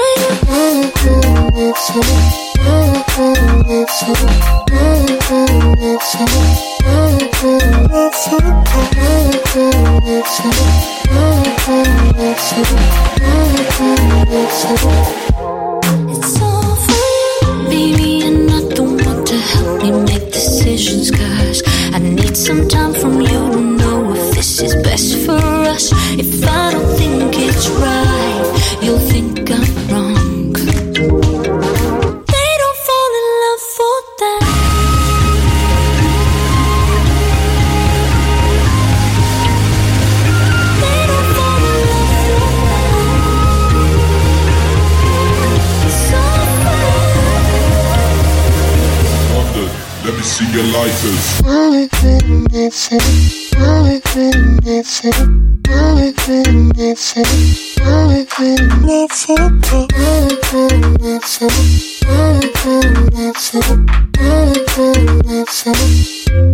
It's all for you.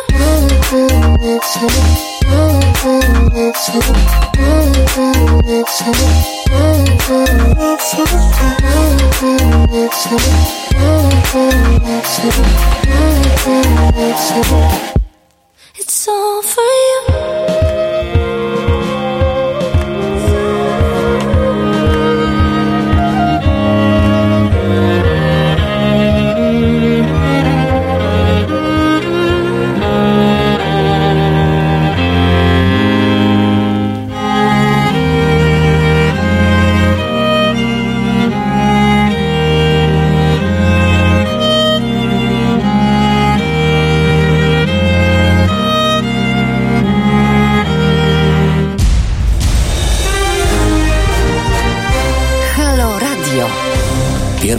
Pierwsze radio Halo Radio, Halo Radio, Wiktor Bater przy mikrofonie. Witam Państwa serdecznie. Minęła godzina 8.20. Moim i Państwa gościem jest Andrzej Jonas, The Warsaw Voice. A ja po raz kolejny z uporem maniaka przypominam nasz numer telefonu do studia 22 39 059 22 i sam się zastanawiam, kiedy Andrzej Jonas nauczy się tego telefonu na pamięć. Na pamięć. Ja, ja mam e, taką pamięć do numerów, ale e, dzisiejsze czasy wymagają chyba od nas wszystkich rozwiniętej pamięci do numerów, ponieważ musimy pamiętać dużo numerów, a nie wolno nam ich notować, bo a nuż się znajdzie ktoś, kto będzie chciał wykraść nam nasze 25 zł na koncie. O, szczególnie jeżeli to są właśnie krótkie numerki. To jest prawda. E, Natomiast Patrzę przed siebie i widzę taki napis, może i Państwo, którzy obserwują nas w telewizji, medium obywatelskie. E, I gdyby sięgnąć do znaczenia słowa medium, to by znaczyło, że my jesteśmy medium dla Państwa. To znaczy, że przez nas słychać, co Państwu w duszy gra. No, to nie jest dobre dziennikarstwo, moim zdaniem.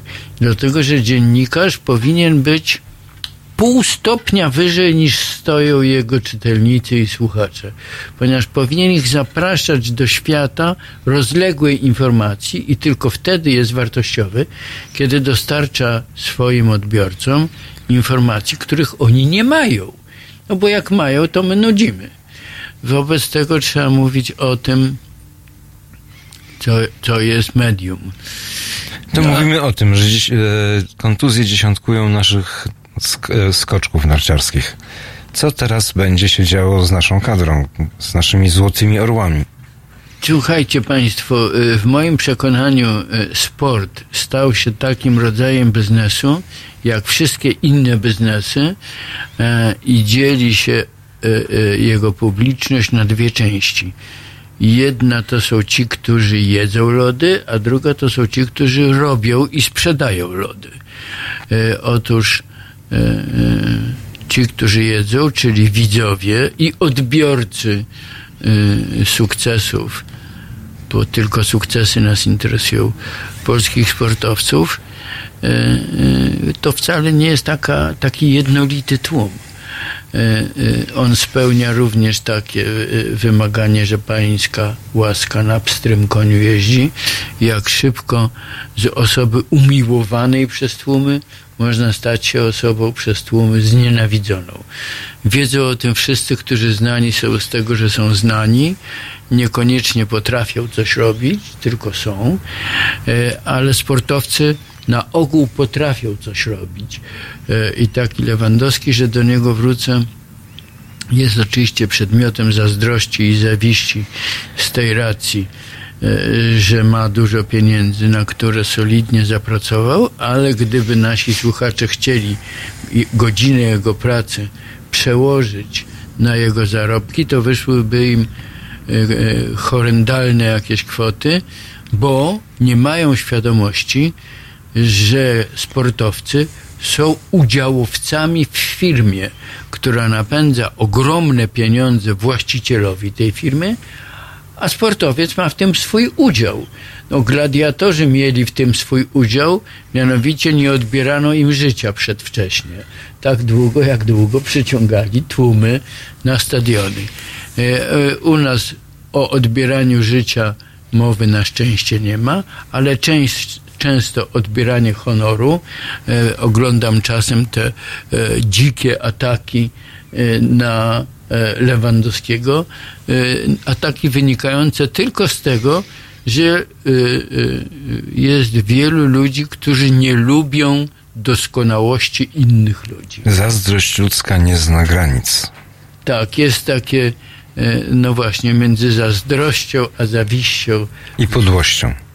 Za, tak, zazdrość może być bazą poezji i kultury wspaniałą, a zawiść może być bazą morderstwa. To jest taka różnica jak między patriotyzmem a szowinizmem. Wydaje się, że e, to jest taka wąska i nieuchwytna granica, a jednak uchwytna.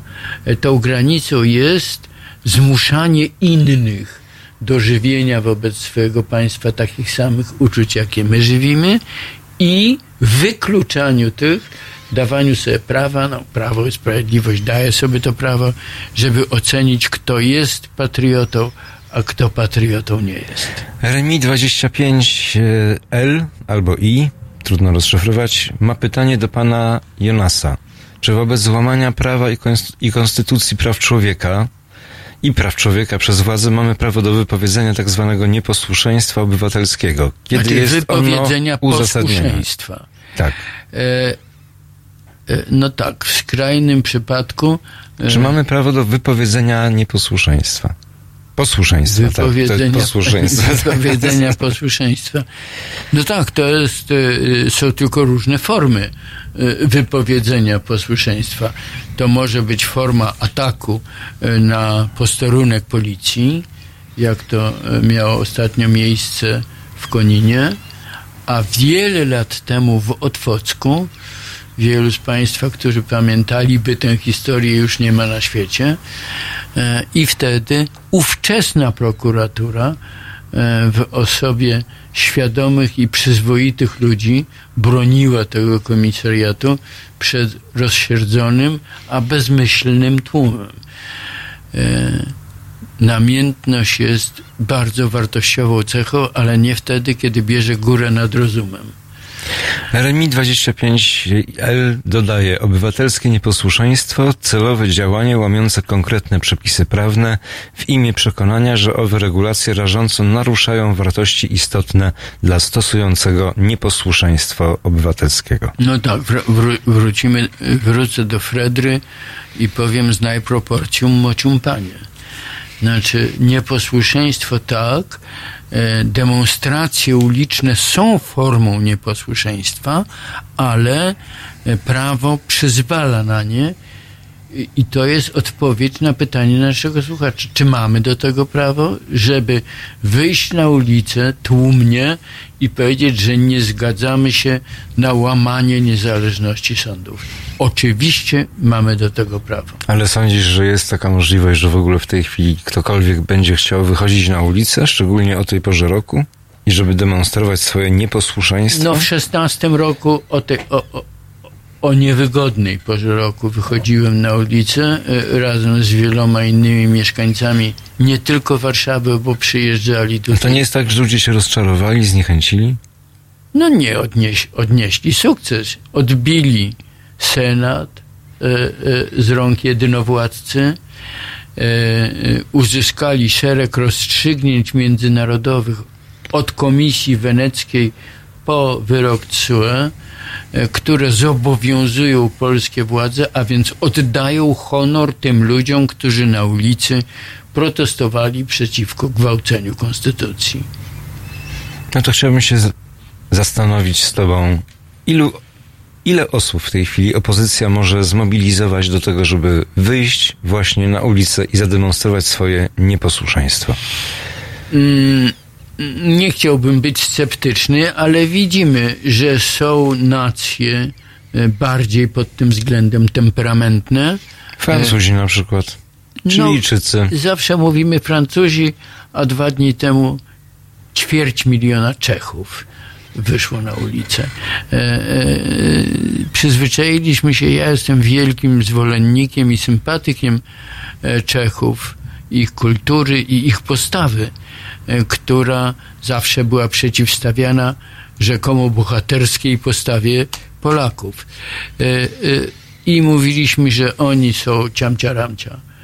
E, No, chciałbym takiego ciamcia-ramcia jak Havel i tych 250 tysięcy ludzi, którzy wyszli na ulicę Pragi, protestując przeciwko swojemu prezydentowi.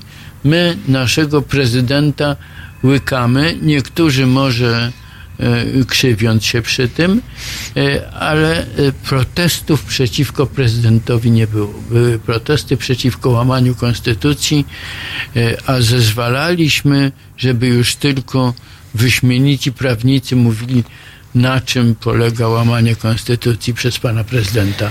Od nieprawego ułaskawienia poczynając, a na nocnych odbieraniach bądź nieodbieraniach e, przyrzeczeń sędziowskich. Ale trudno mówić o wychodzeniu i wypowiadaniu nieposłuszeństwa prezydentowi, jeżeli w rankingach tak naprawdę zajmuje drugie miejsce.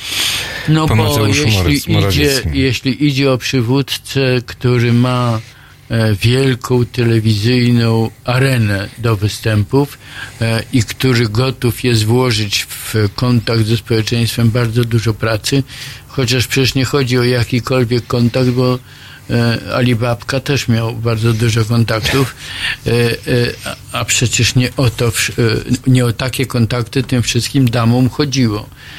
E, Już wspominałem, że e, jedną e, z bardziej bolesnych cech jest poddawanie się kłamstwu. E, Niestety wszyscy niemal ludzie na całym świecie, jeżeli kłamstwo jest dobrze przyprawione, temu kłamstwu się poddają. Świadczy o tym i Brexit. E, I tutaj mimo e, zastrzeżeń jednego z naszych słuchaczy wrócę do pana Tuska, który wczoraj w przemówieniu do europejskich chadeków powiedział, że najważniejszym obecnie e, e, celem do zwalczania e, jest populizm. Populizm jest tak mocno zrośnięty z kłamstwem, że wystarczy używać jednego albo drugiego słowa, tak jak kiedyś wypowiesz partia, a w domyśle Lenin. No, No, przyjęcie Tuska zostało przyjęte rzeczywiście, wystąpienie Tuska zostało przyjęte rzeczywiście bardzo dobrze. No tak, Przez większość no, obserwatorów. e, e, Tusk e, e, swoją wielkość pokazał walcząc o Unię Europejską e, i rozwijając się bez przerwy. To znaczy, tak wspaniale nauczył się arkanów europejskiej polityki i tak zwanych europejskich wartości, że zapragnęli go europejscy chadecy, jak skończył to, jak sam powiedział, biurokratyczne stanowisko w Europie, czyli bycie prezydentem Europy. E, Jedna z europosłanek powiedziała, e, Tusk powinien być dobrym szefem IPL, bo jego polityka bardzo mocno opiera się na europejskich wartościach. Broni ważnych, podstawowych wartości jak praworządność, wolność słowa, wolność mediów. No nie, nie umawiałem się z panią posłanką, e, ale e, e, mam taką samą opinię. Uważam, że zagrożenie populizmem to jest jedno z największych zagrożeń dla demokracji. Kto wie, czy nie tak samo wielkie jak e, zmiany klimatyczne. Mimo niechęci naszych słuchaczy do Donalda Tuska, zachęcamy do dzwonienia pod numer telefonu 22 39 059 A zwróciłeś 22. uwagę, czym grozi, 22 na końcu e, i na początku, e, zauważyłeś, czym grozi ocieplenie klimatu? Zalewaniem. A populizm też grozi, tylko zalewa nas krew.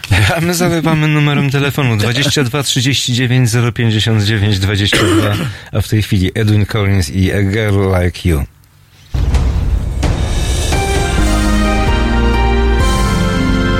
Niedzielę. Od 21 do 23 do świata swoich fascynacji dokumentalnych zabierze Państwa reżyser i aktywista obywatelski Konrad Szołajski. 21, 23. www.halo.radio. Słuchaj na żywo, a potem z podcastów.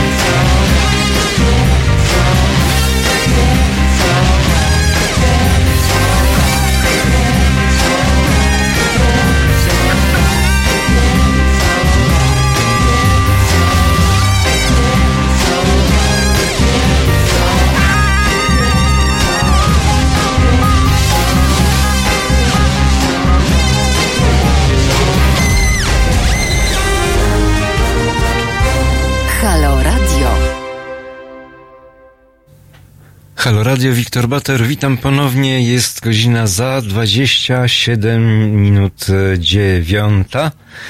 Moim i Państwa gościem jest Andrzej Jonas The Warsaw Voice i rozmawiamy o wszystkim, co się wiąże z polityką mniej lub szerzej pojętą, ale również zahaczaliśmy o sport, o stadion, murawę stadionu e, PGE Narodowego i o samego Lewandowskiego. Tymczasem e, napłynęła informacja, którą podaje e, Onet, e, przepraszam, TOG FM, że czeka nas postępująca prywatyzacja opieki medycznej.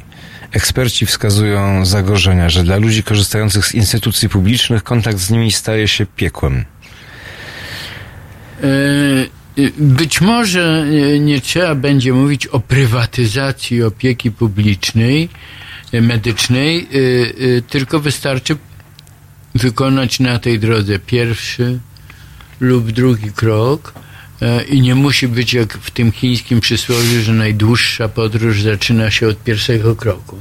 To nie znaczy, że trzeba dojść do tego celu. Być może wystarczy Najtrudniejszy pierwszy krok.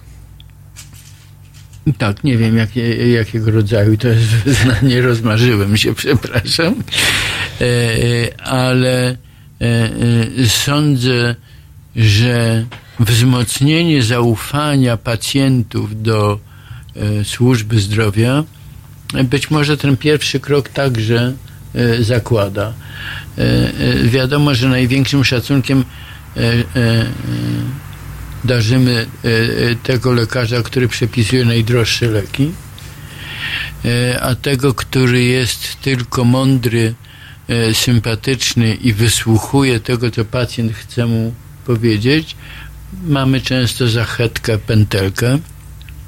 Ale potem, jak przychodzi to do czego i potrzebujemy człowieka, do którego naprawdę mamy zaufanie, to bardzo cieszymy się, że dobry lekarz zostaje marszałkiem Senatu chociaż znowu nie musimy e, e, e, popadać w skrajności, bo i poprzedni marszałek Senatu był dobrym podobno lekarzem, ale złym marszałkiem Senatu.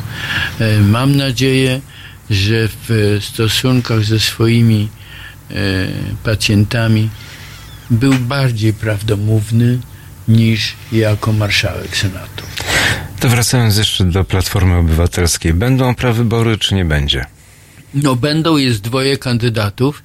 Y, y, można oczywiście brutalnie, to znaczy y, ten komitet polityczny może dokonać brutalnie Nasz wyborów. szef klubu KO Borys Budka przyznał, że był zdecydowanym zwolennikiem szybszego podjęcia decyzji niż w formie prawyborów. Y, No a i, i to jest najlepszy dowód, Czyli w że, zasadzie autorytarne decyzje. że demokracja w klubie istnieje, Prawa i y, y, Platformy Obywatelskiej y, i że ona prawdopodobnie jest wartością. Donald Tusk mówił, żeby pokonać Platformę Obywatelską, znowu do Tuska się odwołuje, że żeby pokonać Platformę My się od niego już dzisiaj nie prawo, uwolnimy. żeby pokonać Prawo i Sprawiedliwość, nie trzeba być takim jak Prawo i Sprawiedliwość, bo to byłaby najgorsza recepta na e, e, powodzenie polskiego państwa i polskiego społeczeństwa. Dzisiaj Sejm będzie kontynuował pierwsze posiedzenie w nowej kadencji i zajmie się m.in. projektem PiS w sprawie finansów, e, finansowania 13 emerytury. Czego się możemy spodziewać? Mm, mm, no, że pojawią się kolejne rysy na, Na monolicie. na tym monolicie, który zbudował e, e, Jarosław Kaczyński. E, wydaje No mi się, przecież PiS to- zaczęliśmy ale PiS audycję od 3-0. Zaczęliśmy, Tak. zaczęliśmy audycję od 3-0. Być może to będzie kolejny gol, który Prawo i Sprawiedliwość sobie strzeli, ale e, e, takie budowle nie zawalają się same, chociaż system demokracji socjalistycznej zawalił się sam, jakkolwiek przy dzielnej pomocy wielu Polaków, którzy jako znak nadziei na możliwość, że taki może być rozwój wypadków, przyjęli wstępowanie do Solidarności. 10 milionów ludzi wstąpiło do tej organizacji, e, której symbolem e, i szpicą był człowiek określany następnie przez swoich najbliższych współpracowników, czyli panów Kaczyńskich, jako ten, którego kukłę należy spalić na jednym z pierwszych wolnych pochodów na ulicach Warszawy. No ale chyba nie masz, Andrzeju, że ta 13 emerytura zostanie przegłosowana. Senat ją może przyblokować, ale i tak ona zostanie klepnięta, kolokwialnie mówiąc. Mnie się zdaje, że tak, dlatego że Prawo i Sprawiedliwość należy do partii, które bezustannie prowadzą kampanię wyborczą. W związku z tym ich politykę A wydawało się, że się skończyło. nigdy się nie skończy wtedy, kiedy politykę kształtują PR-owcy. A PR-owcy, e, e, tak jak niektórzy właściciele mediów, nie zastanawiają się nad treścią, tylko nad dochodem. Dlatego obserwujemy, jak w wielu innych sferach życia, również i kryzys w mediach. Czy Koalicja Obywatelska będzie występowała przeciwko 13 emeryturze? W Senacie? Ja mogę powiedzieć, czego bym chciał.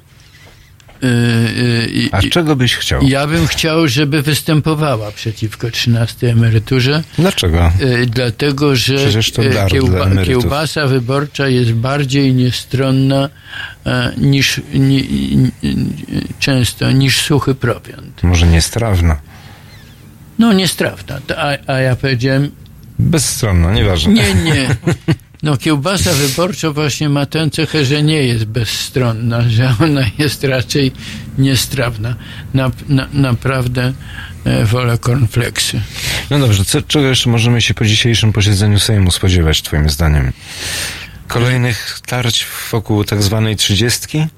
Yy, otrzymaliśmy wczoraj informację, że w kuluarach posiedzenia Sejmu bezustannie toczą się spory e, w obrębie e, tak zwanej zjednoczonej, ostatnio coraz mniej zjednoczonej prawicy. Nie jest jeszcze sformułowany e, ten, ten e, e, traktat sojuszniczy e, jakkolwiek by się to oficjalnie nie nazywało, e, i z pewnością tak długo jak długo sojusznicy nie umówią się, jaka ma być jego treść i jakie mają gwarancje, że ta treść będzie literą e, prawa naprawdę obowiązującego, e, tak długo możemy się spodziewać tarć, a więc i rozmaitych wyskoków e, w trakcie trwania prac Sejmu, tak jak obserwujemy to z kandydatami na sędziego Trybunału Konstytucyjnego, że co rano Prawo i Sprawiedliwość zgłasza kandydata, a wieczorem go odwołuje. No to przejdźmy do Lecha Wałęsy, bo nasi słuchacze piszą, Karol Wielki, błotem można okleić nawet ikony wolności, noblistów, bohaterów, a co dopiero polityka byłego rządu. A Remi 5, Mi-25L nie do końca się zgadza z panem Jonasem, bo nie dyskutuje się z gangsterem, głaszcząc go po głowce i prosząc, aby był grzecznym chłopcem. Z czasami da się, nie da się normalnie postępować. No i z tą opinią nie mogę się zgodzić, dlatego że ona zaprzecza rozwojowi cywilizacji. E, Czyli e, głaszcze się po główce. E, nie, ustanawia się prawa. Nie chodzi o głaskanie po główce, chodzi o stworzenie prawa i zapewnienie przestrzegania tego prawa. Do tego mądrego wniosku doszli państwotwórcy już w czasach Hammurabiego, e, chociaż wtedy byli e, tak brutalni, że wymyślali e, prawa swoim okrucieństwem po dziś dzień świecące. Już w prawie rzymskim, jeszcze w prawie rzymskim był taki przepis, że właściciel domu, który się zawalił i śmierć w tej katastrofie poniósł syn właściciela, ma prawo skoczyć na syna budowniczego. Nic dodać, nic ująć. po prostu. Karol Wielki pisze, Polacy nie ujęli się za własną konstytucją, nie ujmą się też za jutrem swoich dzieci. Taki naród miałki. Nie, Polacy ujęli się za własną konstytucją. E, e, niech pan mi nie odbiera przyjemności którą czułem stojąc w gronie tłumu e, na placu Krasińskim. O czym przed chwilą sądem- rozmawialiśmy, Przed tak. Sądem Najwyższym. E, Polacy ujęli się za własną konstytucją e, i to, że się potrafili ująć za systemem wartości, tym, który wyznają, dało nam upadek systemu PRL-owskiego i inicjację tego upadku w całym świecie i dało nam szacunek świata, e, czego świadectwem jest między innymi ostatnia wizyta panów Wałęsy i Balcerowicza w amerykańskim Senacie w 30. rocznicę pamiętnej, a przez nas komentowanej e, mowy Lecha Wałęsy na Kapitolu. To prawda, natomiast e, prezydent Lech Wałęsa na Kapitolu to jedno, w kraju coś zupełnie innego. Nie jest uznawany tutaj za ikonę, tak naprawdę. I znowu wracamy. Przez niektórych jest, przez niektórych nie jest. E, e, e, chcę powiedzieć, że. No większość uważa, tak głoszą sondaże, większość uważa, że Lech Wałęsa powinien z polityki już zrezygnować. Mm, No jest takie niepoprawne politycznie, a przez to niewłaściwe sformułowanie Murzyn zrobił swoje, Murzyn może odejść. No ale może to jest ten czas właśnie. Czas i człowiek tworzył pewną wspólnotę. E, e, Wałęsa był człowiekiem na miarę lat 80.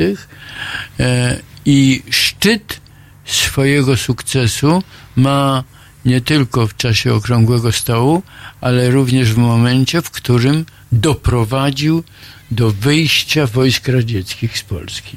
To moim zdaniem był jego klucz do historii. No skoro już I słynna rozmowa z Borysem Jelcynem w Warszawie. w Warszawie. E, W Warszawie e, dzieją się e, różne rzeczy, a nawet jak się nie dzieją, to są bardzo interesujące. W Warszawie zdarzyły się rozmowy chińsko-amerykańskie przez wiele lat. One były w siedzibie ambasady chińskiej przy ulicy Bonifraterskiej w Warszawie, tuż przy dzisiejszym Sądzie Najwyższym. E, Znak czasu. no tak. E, e, I kiedyś mówiono, że Chou Enlai e, uratował Polskę przed radziecką interwencją. Chou Enlai to był taki wybitny polityk i myśliciel chiński, którego dzisiaj chętnie niektórzy niezbyt wyedukowani polscy obywatele chętnie nazywaliby politykiem komunistycznym. Tymczasem on był politykiem chińskim. E, Konfucjańskim i bardziej. niezwykle mądrym e, i może rzeczywiście e, swoją polityką wobec Związku Radzieckiego e, uratował Polskę w październiku 56 roku, bo to o ten moment idzie. Andrzeju, Karol Wielki e, dyskutuje z tobą w związku z tymi protestami, o których jeszcze wspominaliśmy Ale przed Sądem Najwyższym. cudowną e, e, pan e, Karol Wielki. słuchacz sobie przyjął. Sam stałem, pisze, świeczki paliłem i liczyłem, jak nas Polaków mało. No my nie jesteśmy tacy wyrywni. Jak, E, jak Czesi. Y, To jest prawda. Jak na, jak na przykład Czesi. Y, Należymy do tych narodów, które lepiej o sobie myślą niż rzeczywiście są. Tych narodów jest bardzo dużo. Czesi właśnie do nich nie należą. Czesi nie myślą sobie o sobie lepiej niż są. Najlepszy dowód, że tuż po aksamitnej rewolucji postanowili rozstać się e, e, z panem Wacławem Hawlem, człowiekiem wielkim i wartościowym, e, może nawet większym niż e, Szwejk. E, e, Ja Szwejka niezwykle cenię za jego klarowną filozofię. Znaczy autora, czyli pana e, Haszka. Ja bym bardziej porównał Lecha Wałęsy do e, Wacława Hawla jeden z naszych e, słuchaczy też pisze, problemem w uznawaniu albo nie Lecha Wałęsy jest to, że obecna Partia Miłości chce przepisać historię. W jej polityce historycznej nie ma miejsca dla Lecha Wałęsy. Jest dla przychylnych im osobom. No, to- ale zawsze też będą, Tak, jak, jeżeli też. będzie wolna prasa i wolność publikacji, e, to zawsze będą też pióra, które o Lechu Wałęsie będą pamiętały. E, e, Ja uważam Lecha Wałęsę za e, postać zupełnie wyjątkową, również z tego względu, że symbolizuje e, taki, e, e, tak, e, takiego dość typowego Polaka. To znaczy, jest pełen sprzeczności. Jest i wspaniały, i, Jak- wr- i wręcz przeciwny. Jak my wszyscy, Andrzeju, jak my wszyscy. No Teraz no. linia nocna, tak jak my. No właśnie, je, je, jest y, y, w kontakcie osobistym, zapewniam Państwa, jest człowiekiem cudownym. E, Jeżeli jesteście Państwo dostatecznie cierpliwi, y, żeby żyć z jego wadami, moja najmądrzejsza na świecie kobieta, e, czyli moja żona, mówi, jak szukasz sobie partnera, to nie kieruj się jego zaletami, tylko wadami. To jeszcze raz, linia nocna i tak jak my, tak się utwór nazywa. Bo z zaletami łatwo wytrzymać, Jutro. Od 21 do 23 telefony od Państwa odbiera Kuba Wątły. Tu chyba nic nie trzeba dodawać. 21, 23. www.halo.radio. Słuchaj na żywo, a potem z podcastów.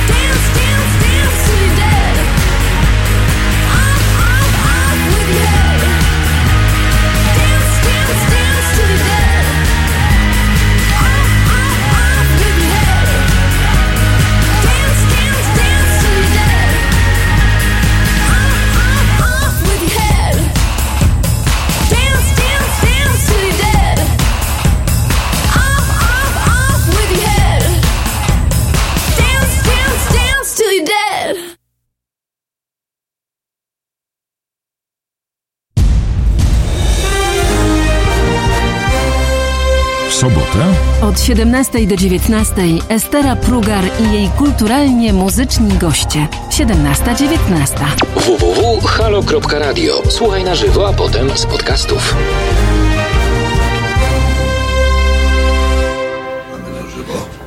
Wiktor Water, witam serdecznie. Po raz kolejny jest godzina dziewiąta, właśnie przed chwilą minęła.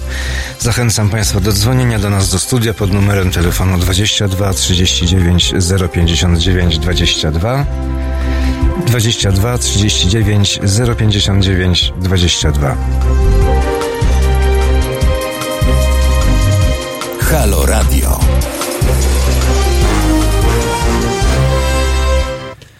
A moim Państwa gościem jest e, Wincent Sewierski, autor książki Krystynę, powieść o Krystynie Skarbek.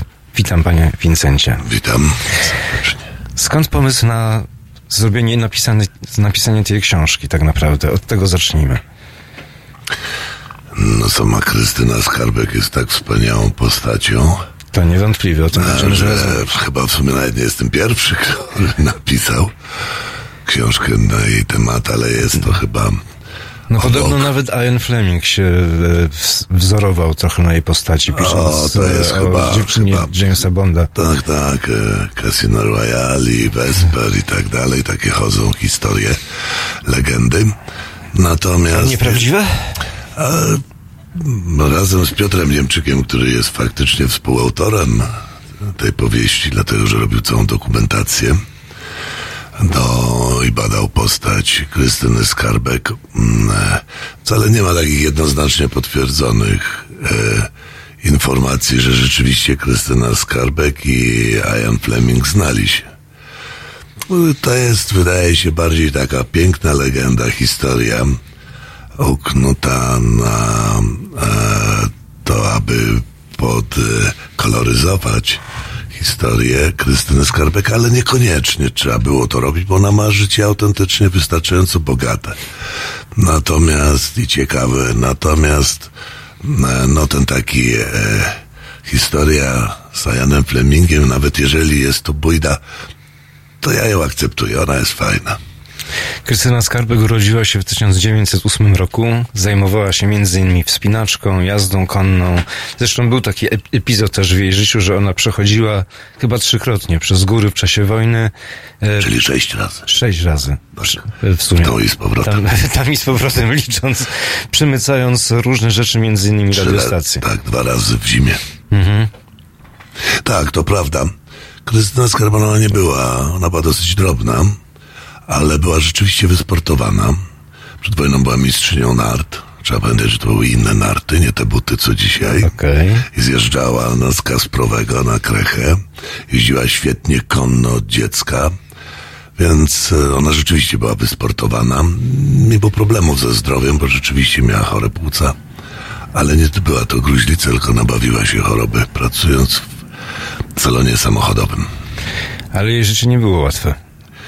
Osobiste przynajmniej. No nie było łatwe, bo przypadło na taki czas. Na wojnę, więc rzeczywiście nie było łatwe.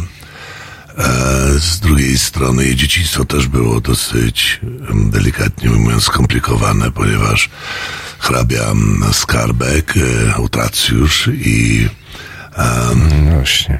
i człowiek salonów warszawskich szybko przetracił majątek Goldfederów, czyli, czyli e, matki Krystyny Skarbek, przez co musieli sprzedać ukochana, ukochany dwór w Trzepnicy, gdzie Krystyna się wychowywała. W 1935 roku Skarbkowie zbankrutowali i Krystyna musiała pójść do pracy właśnie do salonu Fiata.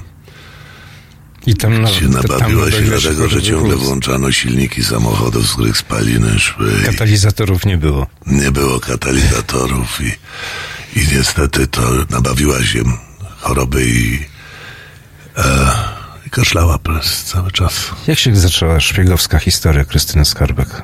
Od czego? Tak, jak w ogóle o Krystynie Skarbek, o jej życiu w ogóle nic nie jest takie stuprocentowo pewne Dlatego, że szczególnie jeśli mówimy o agen- działalności agenturalnej. E, Tutaj No, wywiadowczej, tak, by Wywiadowczej. to określił. No, Rzeczywiście nic nie jest pewne. Przede wszystkim rzeczywiście dotknął Pan najważniejszego, dlatego że całe akta dotyczące jej pracy e, wywiadowczej są wciąż utajnione przez MI6 i nie są znane. Wszystko to, co wiemy, to są informacje z drugiej, z trzeciej ręki, niepewne, niepotwierdzone. E, więc, em, prawdę mówiąc, nawet były kłopoty z dokładnym ustaleniem jej daty urodzin. E, ona też miała kilka tożsamości. Zresztą Krystyna Skarbek urodziła się 1 maja 1908, ale sobie przerobiła e, w pewnym momencie, odmłodziła się o 7 lat. No Prawda? właśnie, po co? A to jest przywilej szpiegów. Ale wracając do pana pytania, kiedy zaczęła pracę dla wiadów wedle naszych badań i informacji, najprawdopodobniej zarekomendował, to było miękkie wchodzenie oczywiście we współpracę, nie był jakiś twardy werbunek, ale najprawdopodobniej zarekomendował ją do współpracy jej drugi mąż Jerzy Giżycki, który e, był etatowym pracownikiem naszego MSZ-u, ale też współpracownikiem, czy może nawet pracownikiem wywiadu polskiego, najprawdopodobniej też brytyjskiego równocześnie. I wedle informacji, które poszlak, raczej można w ten sposób powiedzieć, e, wychodzi na to, że około 30, w 38 roku Krystyna Skarbek nawiązała współpracę z wywiadem brytyjskim. Powtarzam, jeszcze- miękką współpracę. Jeszcze przed wybuchem wojny. Tak, jeszcze przed wybuchem wojny. A dl- dlaczego tak wcześnie? Dlatego, że trzeba pamiętać o warunkach politycznych ówczesnej Europy czy świata. 38 rok to jest stan niebywałego napięcia w Europie. A wywiad brytyjski, Wielka Brytania to była imperium globalne wówczas. Największe, na którym słońce nie zachodziło. Ich interesowało wszystko, co się dzieje na świecie. A trzeba pamiętać, że 38 rok to jest rozbiór Czechosłowacji, w którym Polska uczestniczyła razem z Niemcami. Dzisiaj tak to troszeczkę mm, przemykamy nad, tą, nad tym zdarzeniem historycznym, ale trzeba pamiętać, że to była Polska Konstytucji Kwietniowej. Wówczas i Londyn nie był pewien, jak zachowa się Warszawa w przyszłości, czy przypadkiem nie pójdzie razem z Hitlerem. Arkady Fidler wspominając Krystynę Skarbek pisze, że była to postać dość kontrowersyjna, dość niejednoznaczna, bardzo lubił spędzać, spędzać z nią czas, ale nie była postacią taką, jaką można by było sobie wyobrazić od A do Z, tak? Pan, e, generalnie Krystyna Skarpek to się narodziła dopiero po śmierci. Od tego w ogóle należy zacząć. Czyli po 15 czerwca 1952 roku. Do tego Dość, dość okrutnej śmierci. tak, takiej można powiedzieć wręcz spektakularnej. Ta śmierć była początkiem narodzin Krystyny Skarbek, bo do tego czasu nikt prawie o niej nie słyszał i Krystyna Skarbek ścieliła łóżka na statkach i podawała herbatę w klubie polskim. Ale to już po wojnie. Aby po wojnie, tak. Natomiast e, jej śmierć niesłychanie spektakularna, która natychmiast obiegła całą bulwarową pracę na zachodzie, spowodowała narodziny, przepraszam, to takie określenie gwiazdy. Wówczas możemy sobie wyobrazić, co by było dzisiaj, gdyby zginęła arystokratka, współpracownica wywiadu brytyjskiego i o niesły, niesłychanie takiej, no, atrakcyjnej powierzchowności. No tak, ale by, by, były informacje, No więc to, to był początek i wie pan, dopiero od tego momentu zaczęły się rodzić. e, Pojawiało się mnóstwo świadków, którzy ją znali, jeszcze więcej mężczyzn, którzy z nią spali, więc opowiadali najbardziej wyszukane historie, aby zaistnieć przy tej okazji. I to jest dzisiaj problem ogromny i dla, dla nas był, pisząc tą książkę, ale w ogóle dla badaczy tej postaci, co jest prawdą, a co fałszem.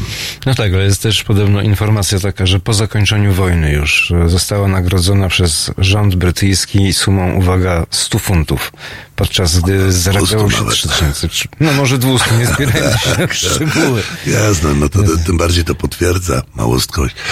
Ale wie pan, to, to tak, to jest właśnie element e, narodzin gwiazdy, dlatego że akurat em, y, Brytyjczycy, którzy odchodzili ze służby, a trzeba pamiętać, że w czasie wojny w wywiadzie brytyjskim, w ogóle w całej machinie wojennej brytyjskiej służyło mnóstwo ludzi, setki tysięcy ludzi, kobiet i mężczyzn. I a po wojnie oni e, wszyscy odchodzili służby. Brytyjczycy również. Że Ian Fleming, który przez całą wojnę był oficerem wywiadu marynarki, też odszedł w 1945 roku z odprawą 200 funtów. Tyle, że on był u siebie.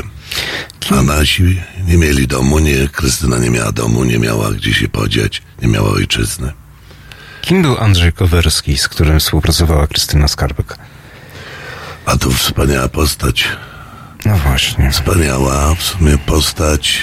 mm, I to nie tylko dlatego, że był partnerem Krystyny Skarbek. Jego własny życiorys jest godny naprawdę upamiętnienia i e, osobnego dziecka. Będzie, będzie, będzie, będzie kolejna książka o Kowerskim? Zobaczymy. Nie, raczej chyba nie. E, Dla, raczej nie, ale Andrzej Kowarski, e, partner Krystyny Skarbek, wojenna i wielka miłość. Taka prawdziwa wojenna ze wszystkimi konsekwencjami z tego wynikającymi, czyli z jednej strony oni się już schodzili, rozstawali, e, by- ale aż do końca byli bardzo blisko siebie, mimo że mieszkali w innych krajach. Niech takim podsumowaniem najlepszym będzie, że Andrzej Kowerski, który zmarł w latach, ale dobrze pamiętam, 70. kazał się pochować z Krystyną w Londynie i oni leżą razem. Mm, e, chociaż e, nie byli już po wojnie mm, parą. Andrzej Kowerski, żołnierz września, bohater Virtuti Militari, Czarnej Brygady, wspaniały człowiek, inwalida, bez nogi. On już był, nie miał tej nogi przed wojną, bo on ją stracił na polowaniu, pod kolanem. A więc to nie była proteza taka jak dzisiaj, tylko drewniana, ciężka. A mimo to e, zajmował się dywersją na Dunaju. Po 1939 roku wysadzał barki z paliwem. Wyciągnął setki polskich żołnierzy z obozów. Książkowa postać. Na Węgrzech, w Rumunii, nawet na Ukrainie wyciągał polskich żołnierzy, przerzucał ich najpierw do Francji, później na Bliski Wschód. Przeszedł kurs dywersyjny w Palestynie, bez nogi nauczył się skakać i walczyć jak dywersant. Wspaniała postać, aż w końcu wyprosił u przełożonych i zrzucili go. Pojechał do, do, do, do Włoch walczyć, gdzie notabene miał ciężki wypadek samochodowy i kiedy Krystyna, która przebywała wówczas w Egipcie, dowiedziała się o tym, rzuciła wszystko i natychmiast do niego pojechała. Chociaż nie byli już wtedy razem, ale to świadczy o nieprawdopodobnej związku, jaki ich łączył. Łącznie z wspólnym aresztowaniem przez gestapo na Węgrzech i tak dalej. Historia jest długa, ciekawa i piękna. Czy Skarbek i Kowerski w jakikolwiek sposób współpracowali? Były jakiekolwiek kontakty? Są dowody na to, że współpracowali z wywiadem rosyjskim, radzieckim, przepraszam. Nie, nie ma żadnych dowodów na to.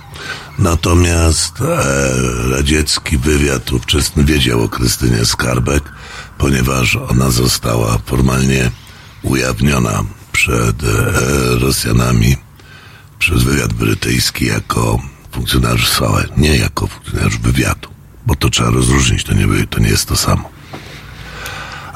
Nie ma żadnych, natomiast z całą pewnością Krystyna w Egipcie pracowała, zajmowała się rozpracowywaniem sowieckiej agentury wśród polskich oficerów, którzy wyszli razem z Andersem. Z powodzeniem? Proszę? Z powodzeniem? Tego nie wiemy, trzeba zapytać e, wywiad brytyjski. Sięg- sięgnąć do to jest wciąż, tak, to jest wciąż tajne i przypuszczam, że Brytyjczycy jeszcze długo nie ujawnią akt Krystyny Skarbek. Wincent Sywierski, autor książki Krystyny, powieść o Krystynie Skarbek. E, Ja przypomnę nasz numer telefonu 22 39 059 22. Prosimy o telefony, a w tej chwili Moby i Disco Lies. Dzień dobry, nazywam się Kuba Wątły. Jestem pomysłodawcą projektu Halo Radia, pierwszego w Polsce w pełni profesjonalnego medium dla obywateli. Dla niektórych z Państwa jestem też ojcem dyrektorem, chyba dlatego, że czasami udzielam się w naszych programach nagle i z zaskoczenia. I dobrze, wszak dobre toruńskie wzorce są zawsze w cenie, no poza tym jednym. Pan Rydzyk gromadzi pieniądze, by nas dzielić i z czasem doprowadzić do wojny domowej na tle religijnym. My prosimy natomiast Państwa o wsparcie, by móc z Wami rozmawiać, by wspólnie się uczyć, by tolerancję zastąpiła akceptacja. Zauważyliście, jak różne są te dwa słowa? Akceptujmy siebie i akceptujmy to, że po 30 latach, od 1989 roku, tylko dzięki państwu możemy tworzyć medium bez udziału polityków i nie na pasku korporacji. Pamiętajcie o nas codziennie jeśli chcecie być częścią naszej społeczności, to słuchajcie, oglądajcie, piszcie, mówcie i finansujcie swój obywatelski projekt Halo Radia www.halo.radio ukośnik SOS. Dziękuję w imieniu wszystkich dziennikarzy i swoim własnym.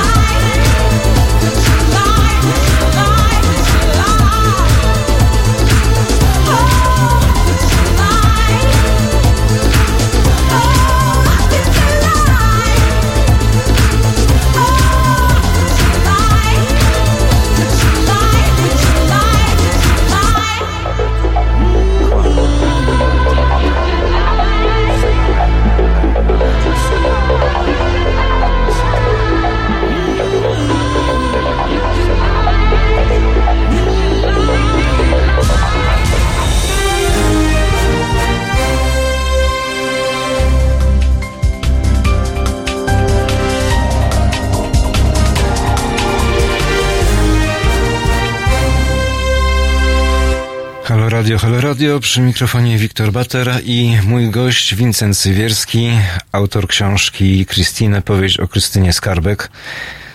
Osoba, tak jak rozmawialiśmy wcześniej, zupełnie niesamowita. Jej życiorys nadaje się chyba na niejedną książkę, na niejedną adaptację filmową. Takich ludzi było też e, więcej. Ale zacznijmy od końca, bo od tego też się zaczyna pana książka. Tragiczna śmierć Krystyny Skarbek w zapomnieniu tak naprawdę, w nędzy, w poniżeniu można by powiedzieć. Pracowała jako ta wielka agentka, a z wywiadu. Pracowała jako telefonistka, sprzedawczyni w Harocie, e, zajmowała się rzeczami, które wydawałyby się niegodne są kogoś z takim dorobkiem oficerskim, no oficerskim, e, agenturalnym. No ja, to, w sumie to niedaleko.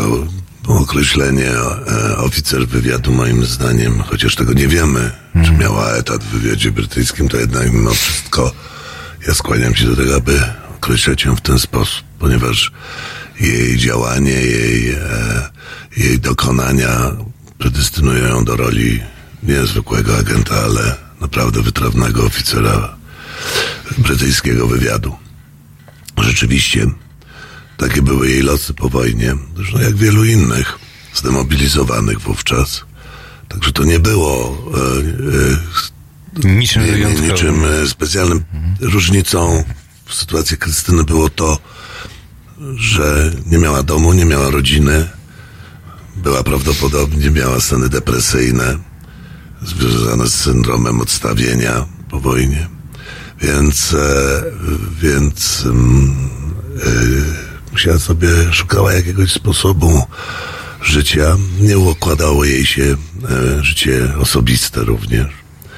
Jeśli chodzi głównie, w- mówię tu o Andrzeju Kowerskim, ale także inne przypadki, które miały miejsce. Ale trzeba pamiętać przede wszystkim, kim Krystyna była. Ona się wychowała w dworze, w siodle, e, pochodziła z arystokratycznej rodziny i to nie byle jakiej, bo to bo skarbków. E, także ze strony matki, bardzo zamożnych bankierów żydowskich. Więc e, mm, w 1938 roku, znaczy ojciec przetracił majątek, w 1935 roku zbankrutowali, Krystyna musiała pójść do pracy, wyszła za mąż trochę pod przymusem, ale już w 1938 roku wyszła za mąż ponownie za Jerzego Giżyckiego i w 1939 wyjechała z Polski i praktycznie od tego czasu już nigdy domu nie miała.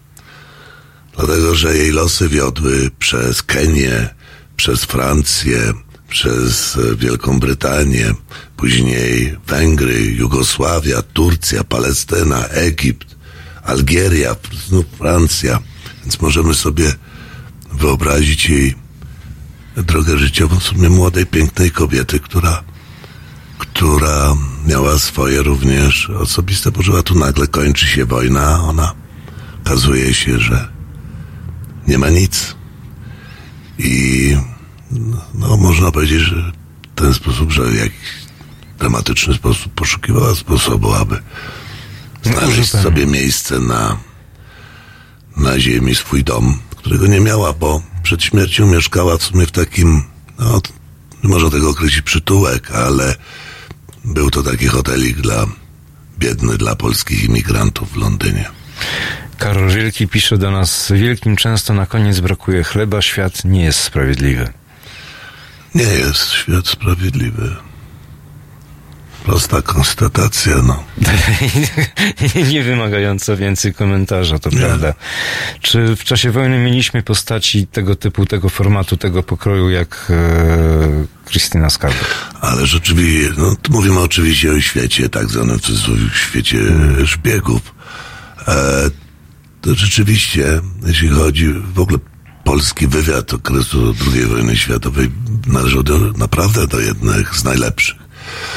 Mało kto wie o tym, że są osoby, które zarzucają, że Krystyna Skarbek pracowała dla brytyjskiego wywiadu, a nie dla polskiego.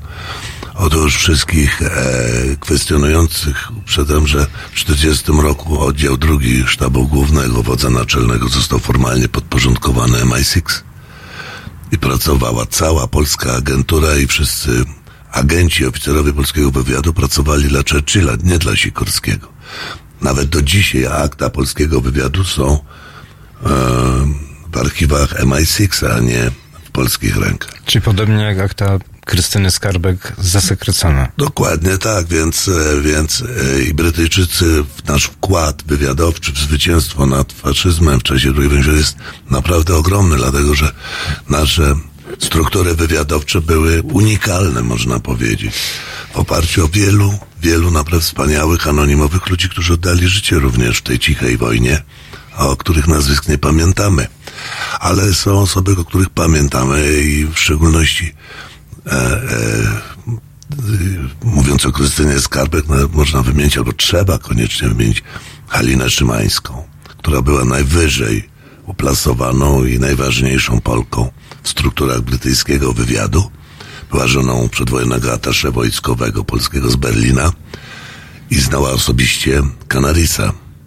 W związku z tym e, po wojnie, jeszcze w czasie wojny nawiązała kontakt z Abwerą z Canarisem, została oplasowana przez wywiad brytyjski w Bernie i kontaktowała Canarisa, bo jak wiadomo, czarna orkiestra Canarisa miała pomysł, aby pozbyć się Hitlera i wspólnie uderzyć z Zachodem na Związek Radziecki.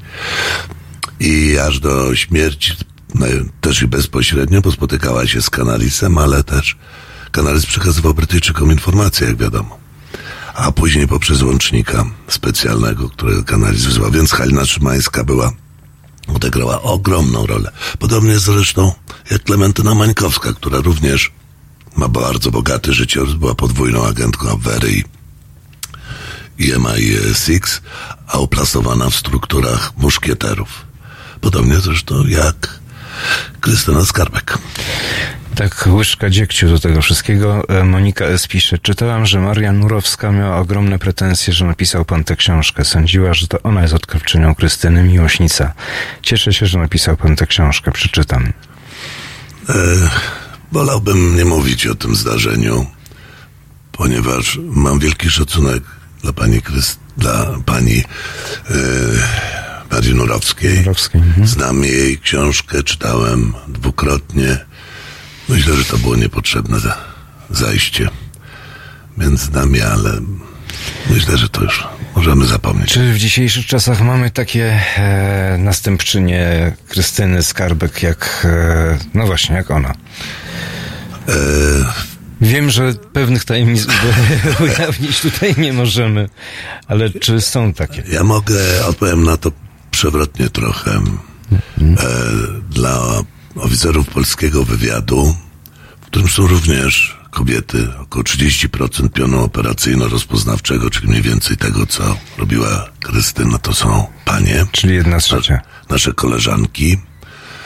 I Krystyna Skarbek jest postacią ikoniczną, a ze wszystkimi dobrymi i złymi stronami jej losu, życia i tego zawodu. Jest takie określenie, ono jest całkiem prawdziwe, że są tacy szpiecy, którzy ratują świat. Naprawdę.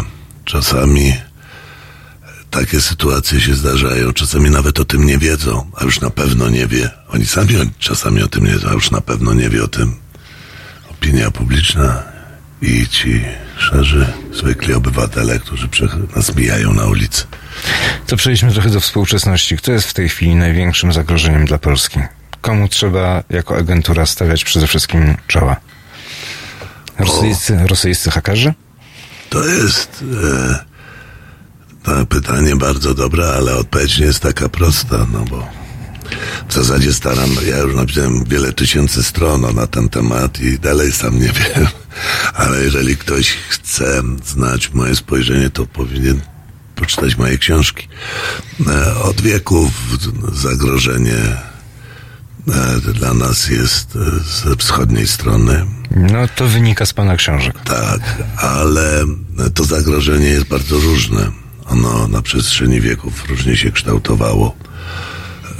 Kiedyś to było zagrożenie czołgów i naszego bytu państwowego. Dzisiaj nikt nie zagraża Polsce jako, jako państwu, natomiast suwerenność dzisiaj jest zupełnie innym pojęciem niż było kiedyś. No dobrze, jak się słucha, przepraszam, że przerwę, wejdę w słowo. Jak się słucha niektórych naszych polityków, to można odnieść wrażenie, że jednak jesteśmy zagrożeni. Do tego zmierzam. Otóż e, suwerenność dzisiaj ma zupełnie inne znaczenie i pojęcie niż miało jeszcze 50 lat temu w Polsce. Ja chciałbym przypomnieć, że pierwsza wojna światowa wybuchła między państwami o tych samych systemach społecznych, gospodarczych, politycznych. Co więcej, głowy tych państw były ze sobą spokrewnione, a jednak doszło do najbardziej z najkrwawych wojen w historii Europy. Dzisiaj nie podbija się czołgami, nie ma już takiej konieczności. Są potężne, świetne armie wirtualne, które potrafią uzależniać państwa i wpływać na ich decyzje polityczne, bo to o to tylko chodzi. Jeżeli dobrze spojrzymy, Rosja ingeruje w wybory w Stanach Zjednoczonych, ingerowała w Brexit, ingerowała w Holandii i wszędzie tam ciska się, gdzie system operacyjny jest słaby podatny na wirusy. Ciekaw jestem, czy będzie ingerować w przyszłym roku w Polsce. Mm, tylko będzie, z całą pewnością interweniowała już wcześniej. Dlatego, że nasz system operacyjny jest bardzo mało odporny na wirusy. W odróżnieniu od niektórych systemów państw zachodnich, które są dobrze skonstruowane i się nie poddają tam.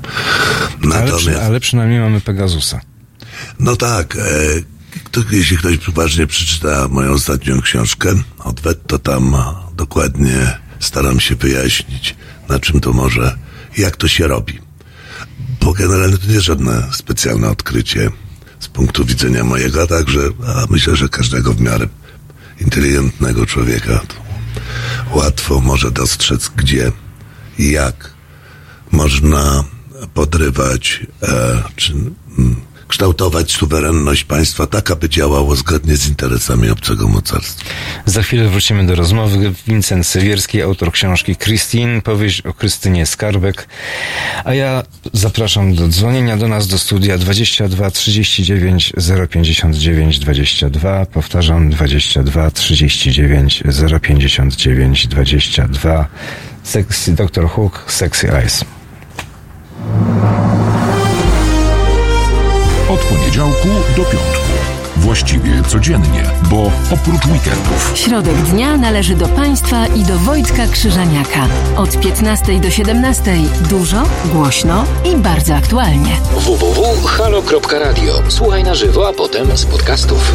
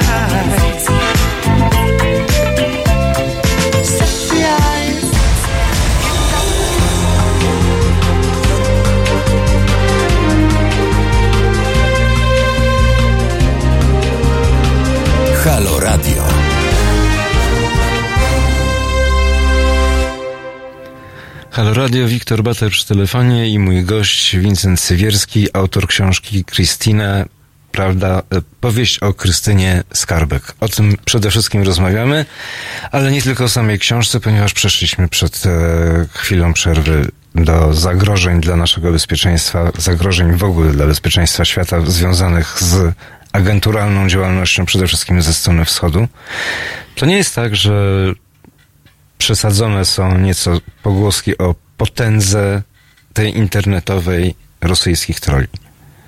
No oczywiście, że nie są przesadzone. Zresztą wszystkie raporty poważnych instytucji światowych e, mówią to wyraźnie, wprost i tutaj co do tego nie ma żadnej wątpliwości. To oni, oni, są najlepsi? Czy nikt nie jest w stanie stawić czoła? To znaczy tak, e, rzeczywiście wywiad rosyjski, bo to jest część działalności wywiadowczej, która zamyka się w działalności inspiracyjnej i dezinformacyjnej. E, wywiad rosyjski z całą pewnością jest wywiad, najlepszym wywiadem świata. E, e, to nie wynika oczywiście z jakichś nadprzyrodzonych możliwości. No właśnie. Ale, ale uplasowania tej służby w strukturze państwa, jego interesów, finansowania i tak dalej, tradycji, całej masy różnych e, elementów, które się na to składają. E, wielokrotnie o tym mówiłem, ale to jest bardzo dobry przykład i od tego, od tego zaczyn, można kiedy dyskutujemy na ten temat, zaczynać, kiedy Putin został wybrany e, na prezydenta, akurat e, w, bardzo dobrej gazecie fińskiej Helsinki Sanomat ukazał się artykuł, że na naszych oczach rodzi się specjokracja, nowy rodzaj ustroju czy systemu konstrukcji państwowej opartej na służbach specjalnych. I ta specjokracja w Rosji do dzisiaj trwa. Kto wie, to wie, że kto zarządza tym państwem, jaki jest stosunek liderów tego państwa i całego kręgu kremlowskiego do służb specjalnych. Zresztą, króciutko powiem, no, jak jest państwo od Korei do Niemiec i od Arktyki do Iranu e, e, tak wielkie, to Trudno bez, się spodziewać, żeby było to inaczej. bez dobrego wywiadu i w ogóle służb specjalnych ono nie jest w stanie przetrwać na to, w dzisiejszych czasach. Natomiast e, ta tradycja i historia jest bardzo długa e, i mają ogromne doświadczenie od czasów napoleońskich już, kiedy w zasadzie powstał nowoczesny wywiad rosyjski. Skutecznie działający aż do tego, że Rosjanie poili konie w Sekwanie, prawda? Mało kto o tym pamięta dzisiaj. Kozacy zajmowali Paryż. Mm, Stąd bistro, bary. Podobno. Podobno tak. Tak, historię. bistro, bistro. I, ale to urocza historyjka. Panie, panie Wincencie, mamy telefon od naszego słuchacza. Halo, halo, halo radio. Dzień dobry. Dzień dobry pani. Dzień dobry, Danusia, moje imię. Witam panią Y, ja, Danusię. ty- ja troszeczkę y, o, o, nie o, o tym obecnym temacie, jeżeli mogę, tylko chciałam powiedzieć, że jestem wielką fanką pana Werskiego. Przeczytałam trylogię szpiegowską, potem te dwie następne książki. Dziękuję bardzo. I, i, i ba, y, podobały mi się bardzo i polecałam wszystkim dookoła. Y, chciałam tylko jeszcze powiedzieć, że taka była śmieszna historia, że to pierwszą część trylogii szpiegowskiej zaczęłam czytać z polecenia syna i dobrnęłam do dwusetnej strony i się załamałam, bo po prostu byłam całkowicie pogubiona. I dzwonię do syna i mówię tak, ratuj, ja nie przebrnę przez to, wszystko mi się miesza. Jestem na dwusetnej stronie i nie wiem o co chodzi. A on mówi, jesteś lepsza ode mnie, ja od setnej strony zacząłem czytać od początku. I już wiem o co chodzi. Więc zaczęłam czytać od początku i potem już wszystko wiedziałam. Ale muszę pani powiedzieć, że był to celowy zabieg mój, e, literacko, że tak powiem, szpiegowski, polegający na tym, że każdy czytelnik, który przejdzie przez 200 stron mojej książki, e, w następnych dostanie nagrodę i to jest e, już wtedy historia leci łatwo, lekko i przyjemnie. E, ale to jest normalny zabieg, bo auto, jeżeli czytelnik nie przebrnie przez pierwsze 100 stron, to już czytelnika, to już autora nie polubi. Jest taka zasada.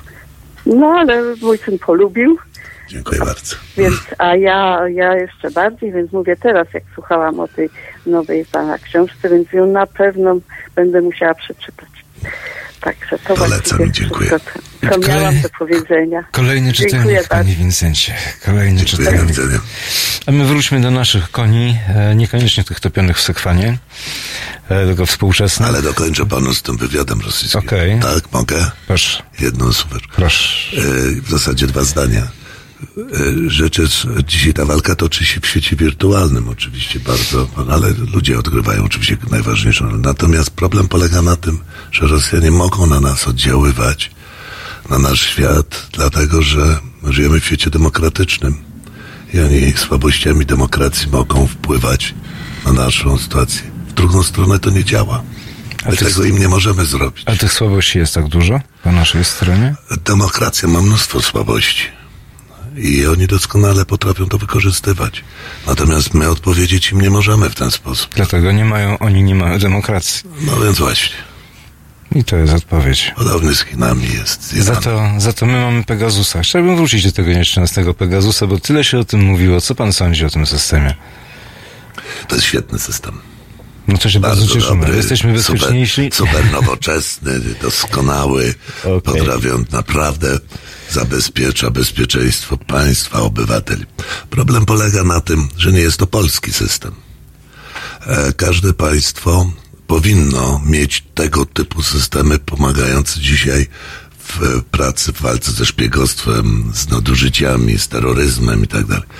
Ale to powinny być systemy tak zwane autonomiczne, wypracowane w kraju, którego używa. Nie mo- Powiem tak, mam wątpliwości, czy informacje uzyskiwane przez Pegasus, przez ten system są tylko i wyłącznie wykorzystywane w Warszawie. Obawiam się, że mogą płynąć do różnych innych stolic. Mm, I to jest e, Bo ile się zagrożenie. nie mylę, to jest izraelski system. Dokładnie tak. W związku A jeżeli izraelski, to wiemy, kto jest największym sojusznikiem Izraela. A jeżeli, no więc właśnie, i wiemy, kto jest największym wrogiem Izraela, więc to też Koło działa. się zamyka. No, mówiąc krótko, system wchodzi w obieg i to jest niedobre. Po drugie, oczywiście muszą być bardzo ścisłe regulacje prawne, jak można z tego korzystać, kto może mieć dostęp, musi być nad tym odpowiednia kontrola i tak dalej, i tak dalej.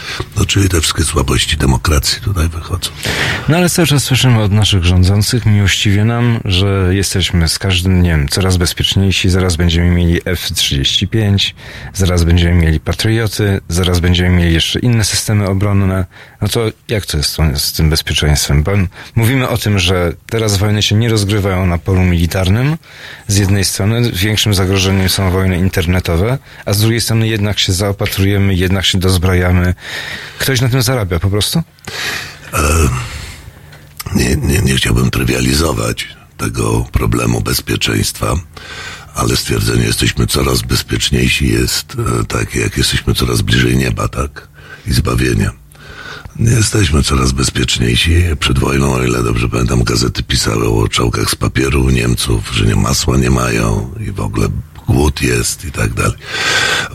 Rzeczywiście dzisiaj bezpieczeństwo rozgrywa się e, bardziej w sferze wirtualnej i decyzji politycznych niż e, zajmowanie cudzego terytorium i ustanawianie gubernatorów. To już tak nie działa. Teraz można podbijać kraje od wewnątrz, od środka, wymuszać określone zachowania, decyzje polityczne, które są zgodne, korzystne dla tego, który y, te decyzje inspiruje i narzuca. Więc wiem, możemy kupować dalej oczywiście samoloty i, i ten poczucie bezpieczeństwa obywateli pewnie jakieś wirtualne rośnie, ale praktyczne bardzo w to wątpię. Komentarz od Moniki S. Nie wiem po co Polsce broń, jak mamy Matkę Boską, Królową Polski. No już raz nam pomogła, więc pewnie pomogłaby i drugi. Oby się ten drugi raz nie powtórzył. A jeszcze raz nam nie pomogła choroba. Panie Wincencie, jeśli chodzi o Syrię, Rosja rozegrała Amerykanów jak chciała? Amerykanie dali się ograć? Mocne stwierdzenie, ale e, z, z wielkim smutkiem muszę powiedzieć, że podziwiam Rosjan. Oni już stamtąd nie wyjdą po prostu. Jest takie powiedzonko, pan to pewnie dobrze wie, gdzie rosyjski żołnierz but postawi, tam on już zostanie. No akurat tu w Europie wyszli, a- ale to była inna sytuacja. Natomiast e, Natomiast jeśli chodzi o Syrię, myślę, że zostaną tam na wiele lat i będą narzucać światu i, i, i szczególnie światu poprzez region, prawda? Będą narzucać swoje, swoją wolę i rozwiązania. Chodzi- To jest, i, to jest, I to jest bardzo poważne wyzwanie, ale Amerykanie sami są sobie tego, temu winni. To jest indolencja amerykańskiej polityki zagranicznej? Tak mi się wydaje. To widać gołym okiem. Chodzi o ropę naftową, jeśli chodzi o Rosjan, czy bardziej o obecność w tym strategicznym regionie świata? Ja nie chcę się, że tak powiem, powiadać o jakiejś wielkiej polityce i strategii, bo nie mam e, ku temu e, możliwości aby informacyjnych już od dawna. Natomiast wydaje mi się, że e, Rosja dzisiejsza putinowska marzy o dawnym Związku Radzieckim i odbudowuje, chce odbudowywać swoje strefy wpływów te, które utraciła po rozpadzie Związku Radzieckiego. Albo nawet je rozszerzać. Albo nawet je rozszerzać. Zresztą ja, to, to właściwie to, to nie chodzi o, o kwestie ideologiczne. Rosja zawsze miała takie interesy. Rosji carskiej podobnie było. Była po prostu troszkę słabsza.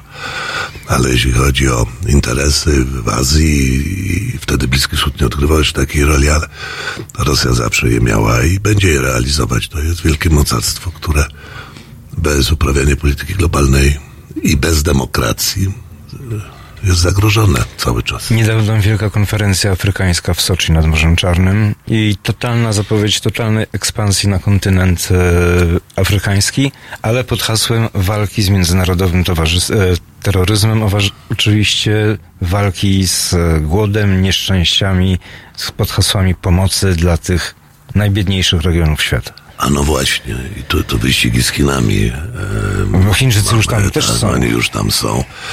Ta polityka chińska w Afryce troszeczkę kuleje, z tego co wiem, i Rosja próbuje tam również wrócić, ale jest to o tyle ciekawe, że po prostu e, świat demokratyczny, zachodni, jakby zapomina o, o tej części świata, który jest wielką bombą o, zagrażającą e, zachodniej cywilizacji, kulturze. Nie w sensie e, bezpośrednim, takim jakby to się na pierwszy rzut oka wydawało, chodzi o migrację. E, ja pamiętam już kilkanaście lat temu czytałem opracowania CIA na temat bomby demograficznej i tego, co czeka, co może czekać Europę w przyszłości i powiem szczerze, toczka w toczkę się to wszystko sprawdza. Tym bardziej uwzględniając, co się dzieje w Turcji, ile milionów uchodźców tam się znajduje, którzy są teraz przerzucani z miejsca na miejsce, a Erdogan cały czas szantażuje Ale Europę. problem będzie nabrzmiewał. Problem będzie z całą pewnością nabrzmiewał, tym bardziej, że, że w swoich błędach politycznych zostały, zostały usunięte naturalne bariery, które chroniły, powiedzmy, Europę przed falą imigracyjną z południa. E, to jest dopiero początek wielkiego cywilizacyjnego konfliktu związanego również z zmianami klimatycznymi. No to będzie wielki eksodus. To już Tak. teraz wszyscy demografowie mówią, że będzie ucieczka z południa właśnie na Z północ. całą pewnością tak. To musi, musimy być na to przygotowani. Europa wygląda na dosyć. E, No tylko jak się na to przygotować, panie Wincencie? no nie wiem, od tego są właśnie mądrzy ludzie, służby wywiadowcze. Ja dzisiaj piszę już tylko książki, więc mogę, no jakby to powiedzieć, bajać w tych sprawach, ale, ale mm, wybierajmy mądrych polityków. Chyba tylko tyle. No dobrze, ale my żadnych uchodźców przyjmować nie chcemy u siebie, jako Polska, my jako kraj. No, to są, no, nie chcemy tak. Węgrzy, Węgrzy też niespecjalnie przyjęli bodajże 12. No tak, to jest. E, ja to bardziej postrzegam to w kategoriach Solidarności Europejskiej i to jest dla mnie w sumie większy problem, dlatego że Polska wyłamując się z, pewnej Solidarności po, po, i osłabiając e, tym samym e, spójność Unii Europejskiej, osłabia całą Europę na ten przyszły wielki konflikt, którym e, imigracyjny, tą bombę demograficzną, która może nam zagrażać. Co znowu Rosji jest na rękę. Ależ, ależ Rosja dokładnie e, uczestniczyła w przygotowaniu tej wielkiej fary migracyjnej, która cztery lata temu ruszyła na Europę. Co do tego ja nie mam najmniejszych wątpliwości. A w jaki sposób? E, państwo islamskie istniało nie tak sobie z przypadku tyle czasu. Nie z przypadku oglądaliśmy przez miesiące nieprawdopodobne sceny okrucieństw w internecie, niektóre wręcz wyreżyserowane w teatralny sposób, transmitowane na całą Europę przy pomocy europejskich i zachodnich środków przekazu, internetu, telefonów komórkowych, wzbudzając tym samym i jeszcze ataki terrorystyczne, które miały miejsce, wzbudzając tym samym w Europie silne antyimigracyjne, e, e, silną niechęć do tej części świata, do islamu. I z chwilą, kiedy ruszyła fala migracyjna, natknęła się na głęboki opór zwykłych ludzi, świadków, tych, którzy oglądali to, co się działo. Przecież to było, jak mało kto wie, ale większość dowódców polowych w ISIS, albo nie większość, ale bardzo wielu, to byli Czeczeni. Byli Czeczeni, dokładnie stamtąd się Dokładnie. Czeczeni, a jak byli Czeczeni, to było Gieru. I co do tego, ja nie sumniewałem. Jak było Gieru, czyli pan nie ma wątpliwości, to byli weterani Afganistanu, najprawdopodobniej byli też żołnierze walczący na wschodzie Ukrainy. Oba bataliony wschód i zachód Gieru, świetnie wyszkolone przez ludzi Putina i ludzi Kadyrowa. Czeczenia ma się dobrze obecnie. Jest bardzo prorosyjska, bardziej prorosyjska niż, Niż sama- niż sama Rosja. Niż chyba Moskwa. Myślę, że niedopuszczalne są jakiekolwiek demonstracje antyputinowskie w Groznym dzisiaj. No w Groznym na pewno nie, natomiast do pewnych demonstracji antyputinowskich dochodzi w samej Moskwie. A, no właśnie. Małe, nieliczne, ale są. Więc może jest jakieś światełko w tunelu. Pod warunkiem, że nie jest to parowóz. No marzy nam się wielka, zamożna, demokratyczna Rosja, pokojowa, pozytywna, dobra, przyjacielska. Byśmy mogli z tego pięknego kraju, jego kultury czerpać. To możliwe? Choroba nie wiem. Rosja, Rosja jest piękna, jest fascynująca. Ale jest niedostępna. Tak bym powiedział, niedostępna w sensie takim uczuciowym. No bo jednak, bo jednak nie jest tam tak, jakbyśmy... Ale przepracował pan tam ładnych parę lat. Nie, nie, nigdy nie byłem w Rosji. Nie pracował pan w Rosji? Nie. Błędne informacje, czyli jakaś rosyjska dezinformacja, znowu trolle zaingerowały. Rosja jest piękna, jest fascynująca, rzeczywiście. Szkoda, że jest prowadzona i rządzona tak, jak jest prowadzona i rządzona. Otóż to. Co można z tym zrobić? Tylko i wyłącznie dawać odpór. No tak, musimy się bronić, ale musimy się bronić, ale w sumie e, ta agresywność Rosji wynika z jej słabości w wielu aspektach, ale nie za bardzo widzę, przynajmniej u nas. A to chyba zawsze jest tak, że kraj jest słaby, to najważniejsze jest znalezienie wroga zewnętrznego. Rzecz jest w tym, że y, Rosja nie może umrzeć ani zginąć, dlatego że jakikolwiek rozpad czy konflikt w Rosji to jest wojna domowa w tym kraju, a wojna domowa to jest wojna światowa. A oprócz tego świat nie znosi pustki. No dokładnie, na pewno. Wincent Sywierski, autor książki Krystyna, powieść o Krystynie Skarbek. Dziękuję panu bardzo, Dziękuję bardzo. za rozmowę, dziękuję państwu i do usłyszenia. Halo Radio.